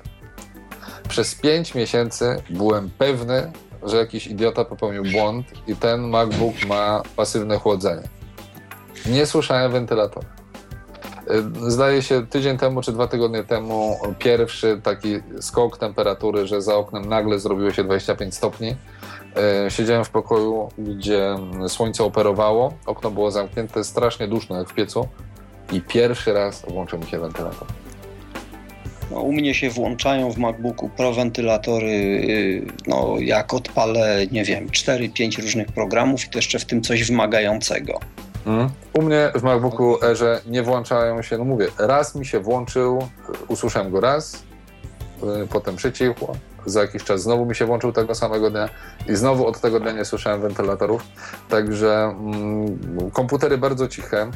Y, tutaj e, może zaraz ty powiesz, jak wygląda to w twoim MacBooku. Powiem, jak u mnie wygląda audio. Audio jest bardzo głośne, bardzo przyjemne. E, mikrofony mm, są tak śmiesznie zainstalowane między klawiszami. E, dlatego zbierają klikanie klawiszy, ale jakość połączenia czy, czy, czy, głosu jest bardzo dobra. Ja w tym momencie mm, mówię do Was przez słuchawki, no i w ogóle gadam przez Skype'a, więc nie wiem na ile ta jakość może być słyszana, ale mogę spróbować wypiąć mm, słuchawki i nie wiem, czy to będzie słychać. To wypnij, zobaczymy, Jak coś, co się Michale, stanie. To, to, to, to ten, dobra. Wypiąłem. Nie wiem, czy jakoś się zmieniła. Słychać no lepsze, tak, no lepsze ci się zmieniło. Mhm. No i na pewno coś się zmieniło. Nie wiem, czy wy siebie słyszycie. Um, w, te, w, tym momencie nie, powiedzcie mi też, czy słyszycie e, Agatkę? Słychać, słychać. Kompaktową Agatkę słychać. Dobra. Mm, to chciałem powiedzieć, że właśnie na przykład jak się korzysta z programu FaceTime, to tej Agatki w ogóle nie słychać, bo ona tak jak... Tak, tak jak w przypadku iOS tam po prostu jest wycinana. Na Skype ją niestety e, słychać. No w każdym razie audio działa bardzo fajnie.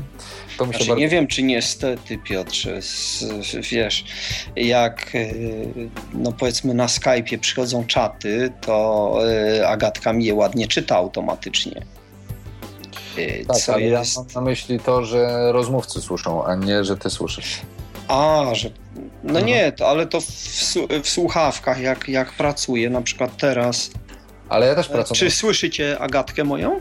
Nie, no nie, tylko po prostu to jest kwestia tego, o czym mówi Piotr, że fajnie by było, żeby też była wycinana y, dla naszych rozmówców. O, w ten mhm. sposób. Dokładnie. Wycinana w momencie, kiedy, kiedy korzystamy z głośników zewnętrznych. Tak, i tak jak jest właśnie FaceTime. A, no to jest rzeczywiście coś ciekawego, bo, bo... No, w każdym razie to jeszcze na co chciałem zwrócić uwagę, to to, że MacBooki R, e, ponieważ są bardzo płaskie, mega płaskie, mają mało e, slotów i to jest, może być traktowane przez niektórych jako wada, bo e, praktycznie u mnie jest jeszcze tylko e, oprócz zasilania jednego gniazdka, które jest e, zarówno na słuchawki, jak i na mikrofon, dwa porty USB, slot na karty pamięci i gniazdo Thunderbolt i nic więcej. Nie ma żadnych więcej gniazd, żadnych więcej dziur, szczelin. Wszystkie te szczeliny są otwarte, co może się wydawać, e, nie wiem, dziwne, ale to bardzo ładnie się komponuje, bo to wszystko jest powycinane z jednego e, kawałka takiego, że tak użyję frazesu Apple, anodyzowanego aluminium. Aha, tak, tak. No, w każdym razie poza tym to, tak jak mówię, różnica między jedenastką a trzynastką jest taka, że gładzik jest węższy i e, przez to, że też e, wielkość w tym momencie ekranu i całej obudowy jest mniejsza, to też bateria jest mniejsza i wtedy mm, krócej działa. Krócej działa. Tyle o MacBookach R, a proszę może coś o MacBookach Pro się dowiedzieć. No, MacBookach Pro, no cóż, no, bardzo płaskie w porównaniu z innymi laptopami, yy, stosunkowo lekkie, yy, wygodne i, i, przyjemne. Jak już się nauczyłem tego używać na początku, to nie umiałem palcami w klawisze trafić oczywiście. Yy, to była któraś z kolei y, klawiatura, natomiast no, przyjemne, wygodne i, i, i, po prostu y, dobre bardzo urządzenie. Jak mówię, no dziecko mi niechcący zrzuciło y, mojego MacBooka z biurka y, i jemu się nic nie stało, nawet aplikacja, która była otwarta, nie przestała działać.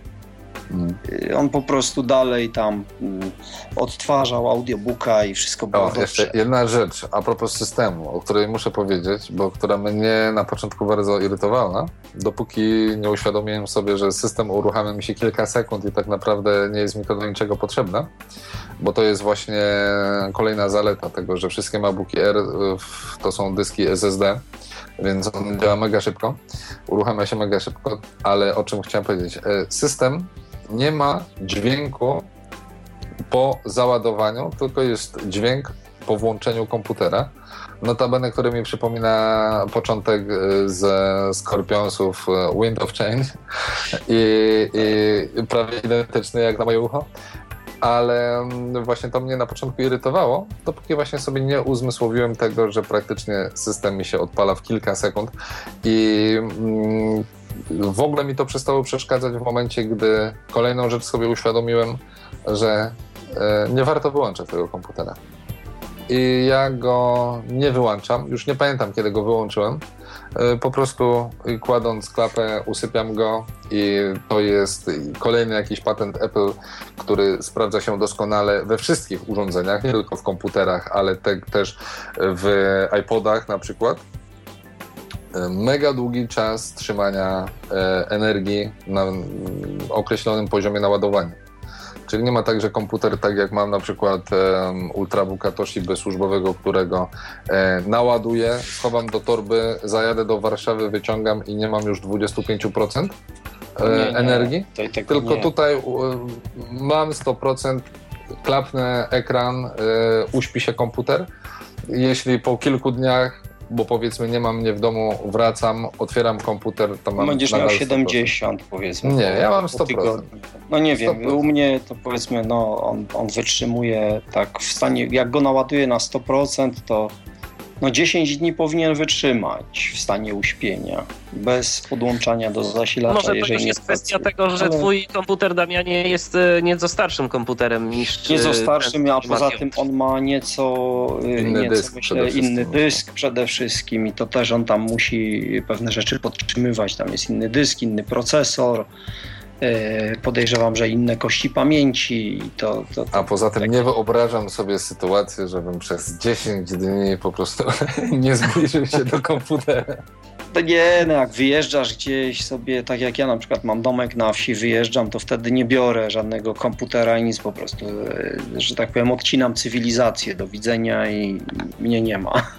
Jest komórka jeszcze, nie, ale no. Myślę, że myślę, że jeszcze o komputerach z logiem nadgryzionego jabłka moglibyśmy rozmawiać naprawdę bardzo, ale to bardzo długo i myślę, że jeszcze do tego tematu wrócimy. A tak na koniec chciałbym was zapytać o jeszcze jedną rzecz. Na początku audycji wspominałem o tym, że Maki to są dobre komputery, ponoć nawet bardzo dobre do y, instalacji Windowsów, bo bardzo stabilnie Windowsy na tym pracują. A chciałem was zapytać, jak z zawieszaniem się y, Maców y, i systemu OS X w ogóle? Macie z tym problemy? To się wiesza, to się nie wiesza?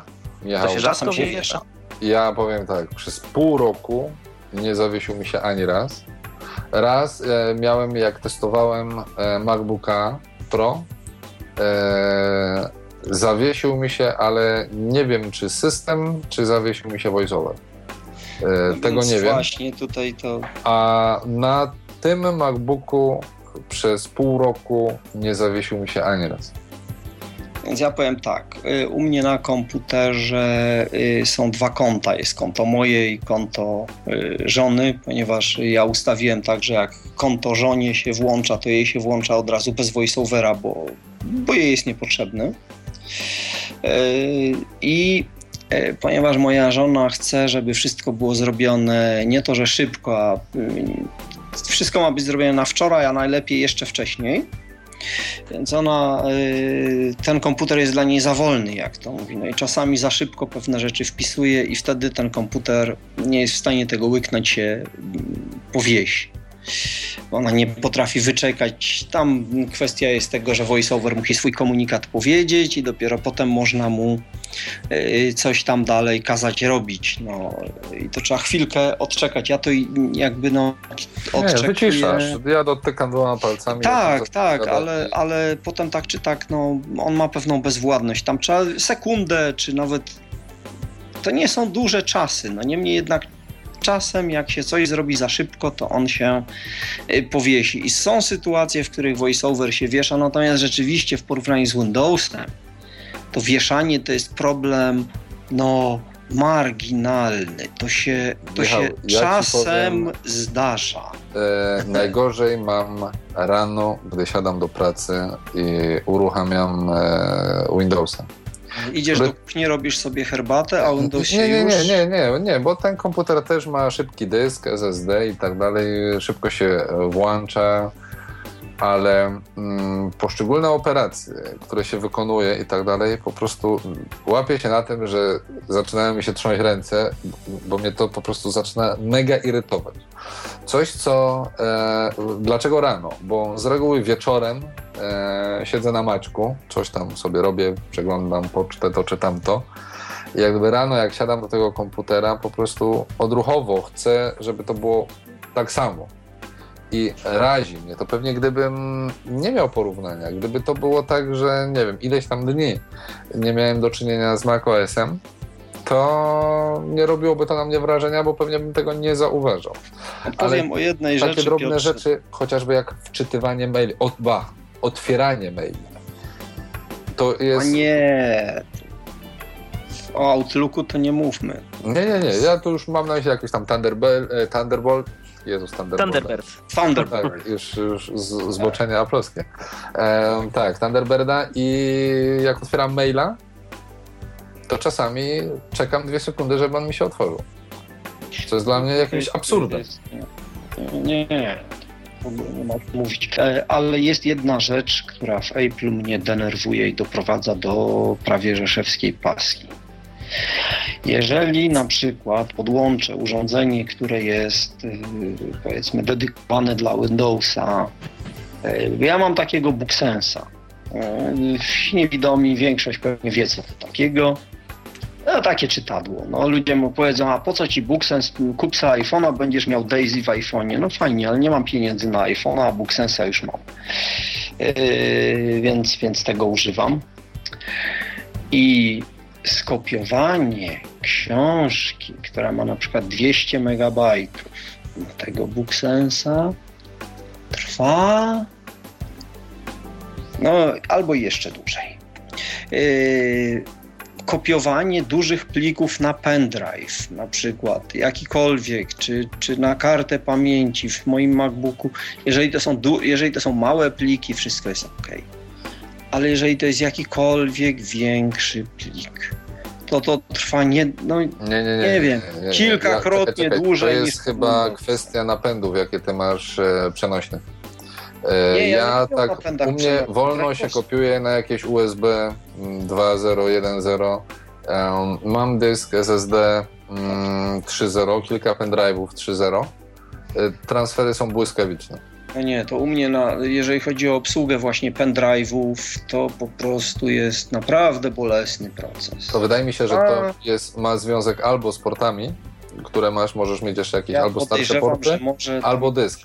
A ja myślę, że może to mieć też y, y, związek z czym innym. Ty używasz nie Findera do tego, tylko tej twojej aplikacji takiej jakiejś dziwnej, która być może robi to dużo sprawniej. Nie, może nie, kopiuje w inny sposób. Nie, nie, Finder o, też Finder robi to naprawdę w sposób. Nie, nie, nie, ja już używam, że, czasami że... używam tego Findera już, bo on nie jest taki głupi jak, jak Explorator Windows, także u, czasem używam. Znaczy, nie, no, y, Ale mówię ci, poza... szybko mi to przerzuca, MyMyk to jest w ogóle bezpłatne. Ja, ja pod Windowsem używam Exploratora Windows, to znaczy Exploratora Windows. Ja sobie sobie otwieram, powiedzmy, mój komputer pod Windowsem, otwieram sobie dwa okna i bezboleśnie to mi się wszystko dzieje. W jednym oknie mam to, w drugim tamto. Ja, ja panowie, powiem wam rzecz, która mnie osobiście bardzo bawi. To znaczy, e, tego się też bałem, jak będzie z przerzucaniem plików między mm, tymi dwoma platformami, Windowsem, a bo powiedzmy moja małżonka używa ciągle komputera z Windowsem, więc myślałem, że tu będzie jakaś obawa, jakiś problem. Na szczęście nie ma, ale za każdym razem bawi mnie bardzo w momencie, gdy wkładam e, pendrive'a, mm, takiego, który e, był wcześniej w komputerze e, z macOS. Tam system sobie dorzuca swoje pliki systemowe, które tak, tak. Windows potem widzi i za każdym razem, gdy wpinam takiego pendrive'a, potem Windows, e, w komputer z Windowsem, system bardzo grzecznie e, pyta się mnie, czy chcę naprawić pendrive'u. Bo... A nie, ja nie mam tego problemu. Tak, no ja mam na wszystkich komputerach. Ja nie mam w Windowsie tego problemu, on mi nie chce naprawiać pendrive'a. Natomiast yy, yy, nie, to, to, to ja nie mam tego problemu. Yy, gdybym... Ja mam ten sam problem z kartą pamięci, którą wkładam, którą mam w telefonie normalnie. Wkładam do komputera i każdy komputer z Windowsem 7 mówi, czy chcesz przeskanować w poszukiwaniu problemów, bo coś tam jest tak, nie tak. Niektóre, niektóre urządzenia tak po prostu mają. Ja to no, już tak. też zauważyłem i na naprawdę ciężko stwierdzić od czego to, z czego to wynika. O, ja myślę, że... Wisty w ogóle to jest... A no to, to jeszcze też może być, y, to jeszcze też może być inna kwestia. Ja myślę, że jeszcze o komputerach y, Apple'a moglibyśmy mówić dużo i myślę, że jeszcze się kiedyś spotkamy, żeby o tym porozmawiać, bo to jest temat ciekawy i tak szczerze powiedziawszy, o ile y, temat iPhone'ów, urządzeń z systemem iOS, chociażby Piotr, między innymi dzięki twoim tyflopodcastom podcastom został no, dosyć mocno wyeksploatowany, omówiony, bo na pewno nie wyczerpany, bo, bo po aplikację na system iOS y, będziemy na pewno, na pewno już niedługo w bardzo dużej mierze sięgać. To już mogę obiecać, a szczegóły niebawem, e, to jakoś o systemie mm, macOS, systemie OS X jakoś tak mało się mówi, jeżeli chodzi o niewidomych użytkowników. Y, jakoś jeszcze się chyba niewidomi nie przekonali do tego systemu. Znaczy, to... Bo ten system ma jednak pewne ograniczenia. Y, ludzie wolą używać, y, wolą używać iOS. Do tego stopnia iOS jest popularny, że wielu użytkowników myli iOS z macOS i nie bardzo odróżnia. Zwłaszcza użytkowników iOS-a. Y, to trzeba też brać pod uwagę. Więc tak na koniec proponuję, żebyście w kilku słowach powiedzieli, komu byście ten system polecili? Tak z własnego doświadczenia. Dla kogo ten system jest? Dla jakich osób? A może Piotr, od ciebie zacznijmy. Mhm. Myślę dla mm, wszystkich osób, które przede wszystkim nie pracują zawodowo na tym sprzęcie, bo aplikacje specjalistyczne mogą być niedostępne, ale jako komputer domowy, do domowych zastosowań, do korzystania z komunikatorów, z poczty, ze stron internetowych, do czytania książek, do tworzenia książek, do wszystkich takich e, rzeczy, do jakich 90% e, użytkowników korzysta z komputera. Jest to idealne rozwiązanie, które oprócz tego, że działa, że działa bardzo dobrze, e, ma na pokładzie mm, technologie asystujące i ładnie wygląda. Damianie, a twoje podsumowanie? Ja powiem tak. Y, komputer Apple'a y, poleciłbym, tak jak y, zgadzam się w 100% z Piotrem, jedyne co bym do tego dorzucił, to jest idealny komputer dla seniora. Ze względu na absolutną i nieprawdopodobną łatwość wdrożenia się w korzystanie z tego. Jest to y, komputer y, Mac jest komputerem y, idealnym jako pierwszy komputer dla osób w wieku 60 plus. Albo to jest osoby ociemniałej. Pierwszy. Albo dla osoby ociemniałej, która kiedyś miała komputer, nawet pod Windowsem, ale w każdym razie dlatego, że do tego stopnia, że yy, nawet jeśli ktoś nie wie, jak wygląda klawiatura, bo nigdy jej nie widział, to samouczek voiceover nam mówi, że będziemy nawigować strzałkami znaczy, ja myślę, kursora. Strzałki to są takie klawisze, które wyglądają jak odwrócona litera T i są po prawej stronie na dole klawiatury. No to jest ten poziom abstrakcji, więc jeżeli nawet ktoś nie miał pojęcia o komputerze, jest do tego samouczek klawiatury, jest powiedziany jak go włączyć, gdzie każdy klawisz mówi, można go naciskać dowolnie, nic się nie stanie, po prostu powie nam komputer nazwę tego klawisza i to wszystko jest w narzędziach. I po prostu no i jeszcze ta stabilność. Ta stabilność, tu naprawdę ciężko coś zepsuć. A Michale, o minusy nie pytasz jeszcze tak No o, o, minusy to przede wszystkim y, to przede wszystkim z tej, z tej waszej rozmowy to wynika, że, że jednak ma, tak? mała ilość, to znaczy nie, że jednak mała ilość aplikacji, no stabilnie, tak. stabilnie działa, no to mhm. okej okay, Piotrze, jeżeli, jeżeli chcesz powiedzieć o minusach, to słucham. Tak, tak, no przede wszystkim to co mówisz, aplikacje to jest raz. Dwa, osoby z dużym bagażem e, doświadczenia e, muszą się nauczyć systemu na nowo. Tak. Plus jest taki, że jak się jest osoba ociemniała, to o czym chciałem wcześniej powiedzieć, to tutaj to, co się wskazuje na ekranie, cały czas fokus jest widoczny. Także jeśli mamy osobę ociemniałą i ktoś jej mówi, że coś tam, coś tam na ekranie, to spokojnie z voiceoverem się do tego dojdzie, co to jest, gdzie to jest i nie ma problemu. No to voiceover tak pokazuje z tłumaczeniem co, gdzie, osoby jak, tak. niewidomej na Windowsie. E, plus, ale miał być o minusach. E, na pewno minusem jest e, cena. Cena jest ogromnym minusem, o tym trzeba powiedzieć jasno. To jest e, drogie rozwiązanie, aczkolwiek. Bo tu ja... się też powiedzmy troszeczkę zmieniło, bo kiedyś, e, kiedyś jeszcze parę lat temu, kiedy na samym początku mówiło się o e, e, tych komputerach e, i o koszcie screenreadera, to mówiło się, że tak jakby sobie policzyć peceta e, ze screenreaderem, to wyjdzie na to samo. Tylko pamięta, tylko pa, tak, tylko pamiętajmy jedno. ja mogę to, ja mogę to, ja mogę to z czystym sumieniem powiedzieć, bo bo ja tego używam w różnych sytuacjach. Nie powiem, że jako swojego pierwszego screen readera, ale to z nieco innych powodów. Natomiast NVDA to jest naprawdę bardzo dobry i w Michał, dużej mierze funkcjonalny rację, program odczytu ekranu. o to chodzi. Ludzie dzisiaj starając się o dofinansowanie na sprzęt komputerowy, nie dostaną go, jeśli nie wezmą programu odczytu ekranu. Bo to nie e... będzie wtedy sprzęt specjalistyczny. To znaczy tak, tylko pamiętajmy, że Windows 8 e, ma już e, no, lepszego tego, że Windows tak naprawdę, gdyby się bardzo uprzeć, to też ma program odczytu ekranu. Ale to już no. wchodzimy w takie niuanse trochę no, i, tak. i, te, no, i też pamiętajmy, i też no. pamiętajmy, że nie każdy, też pamiętajmy, że nie każdy kupuje komputer z dofinansowania. Zgadza się. No, Dlatego to jest rzecz. Aha, czekaj, bo jeszcze minusy, nie, nie, żeby nie wchodzić w szczegóły. No właśnie. Ehm, droga rozbudowa tego sprzętu.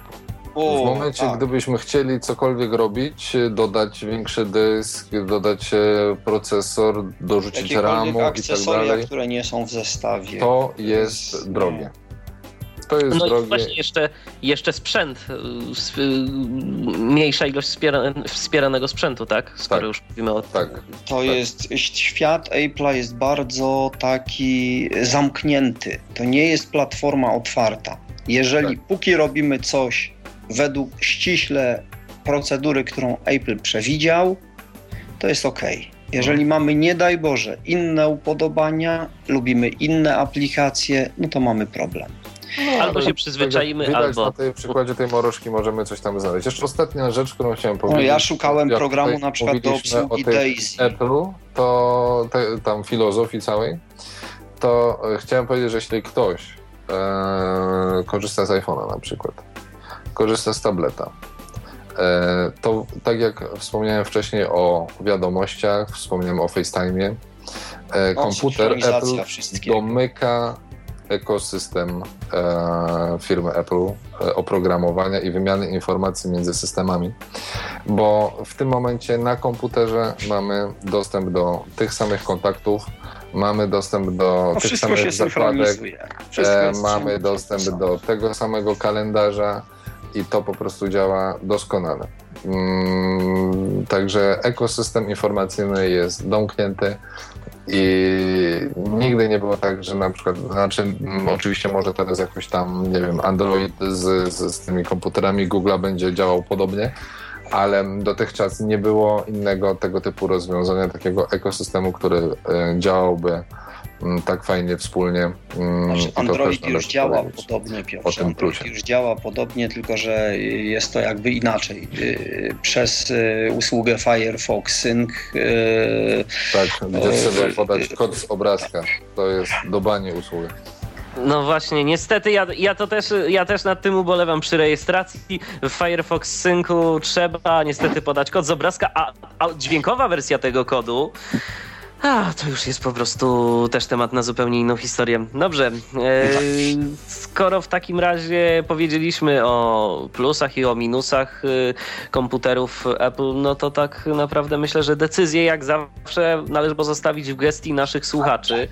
A być może, być może, jeżeli ktoś e, z Was już używa komputerów z nadgryzionym jabłkiem i chciałby się podzielić e, swoimi refleksjami e, z ich używania, a będzie słuchał tej audycji w formie podcastu, to oczywiście zapraszamy bardzo serdecznie do zostawiania komentarzy. I na koniec jeszcze dwa słowa. Audycja nie jest sponsorowana przez firmę Apple. Nie, okay. zdecydowanie nie. Y, tak, co, wie, co więcej, ja y, od początku jestem człowiekiem sceptycznym i zawsze próbuję się y, czepiać i szukam, szukam jakiegoś tam obiektywnego punktu widzenia.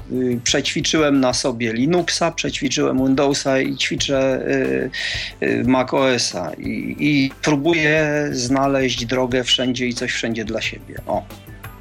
Zatem bardzo serdecznie Wam dziękuję za e, udział w dzisiejszej audycji. Gośćmi Tyflo Podcastu na żywo na antenie Tyflo Radia byli Damian Przybyła i Piotr Witek. Dziękuję Wam bardzo. Dziękuję.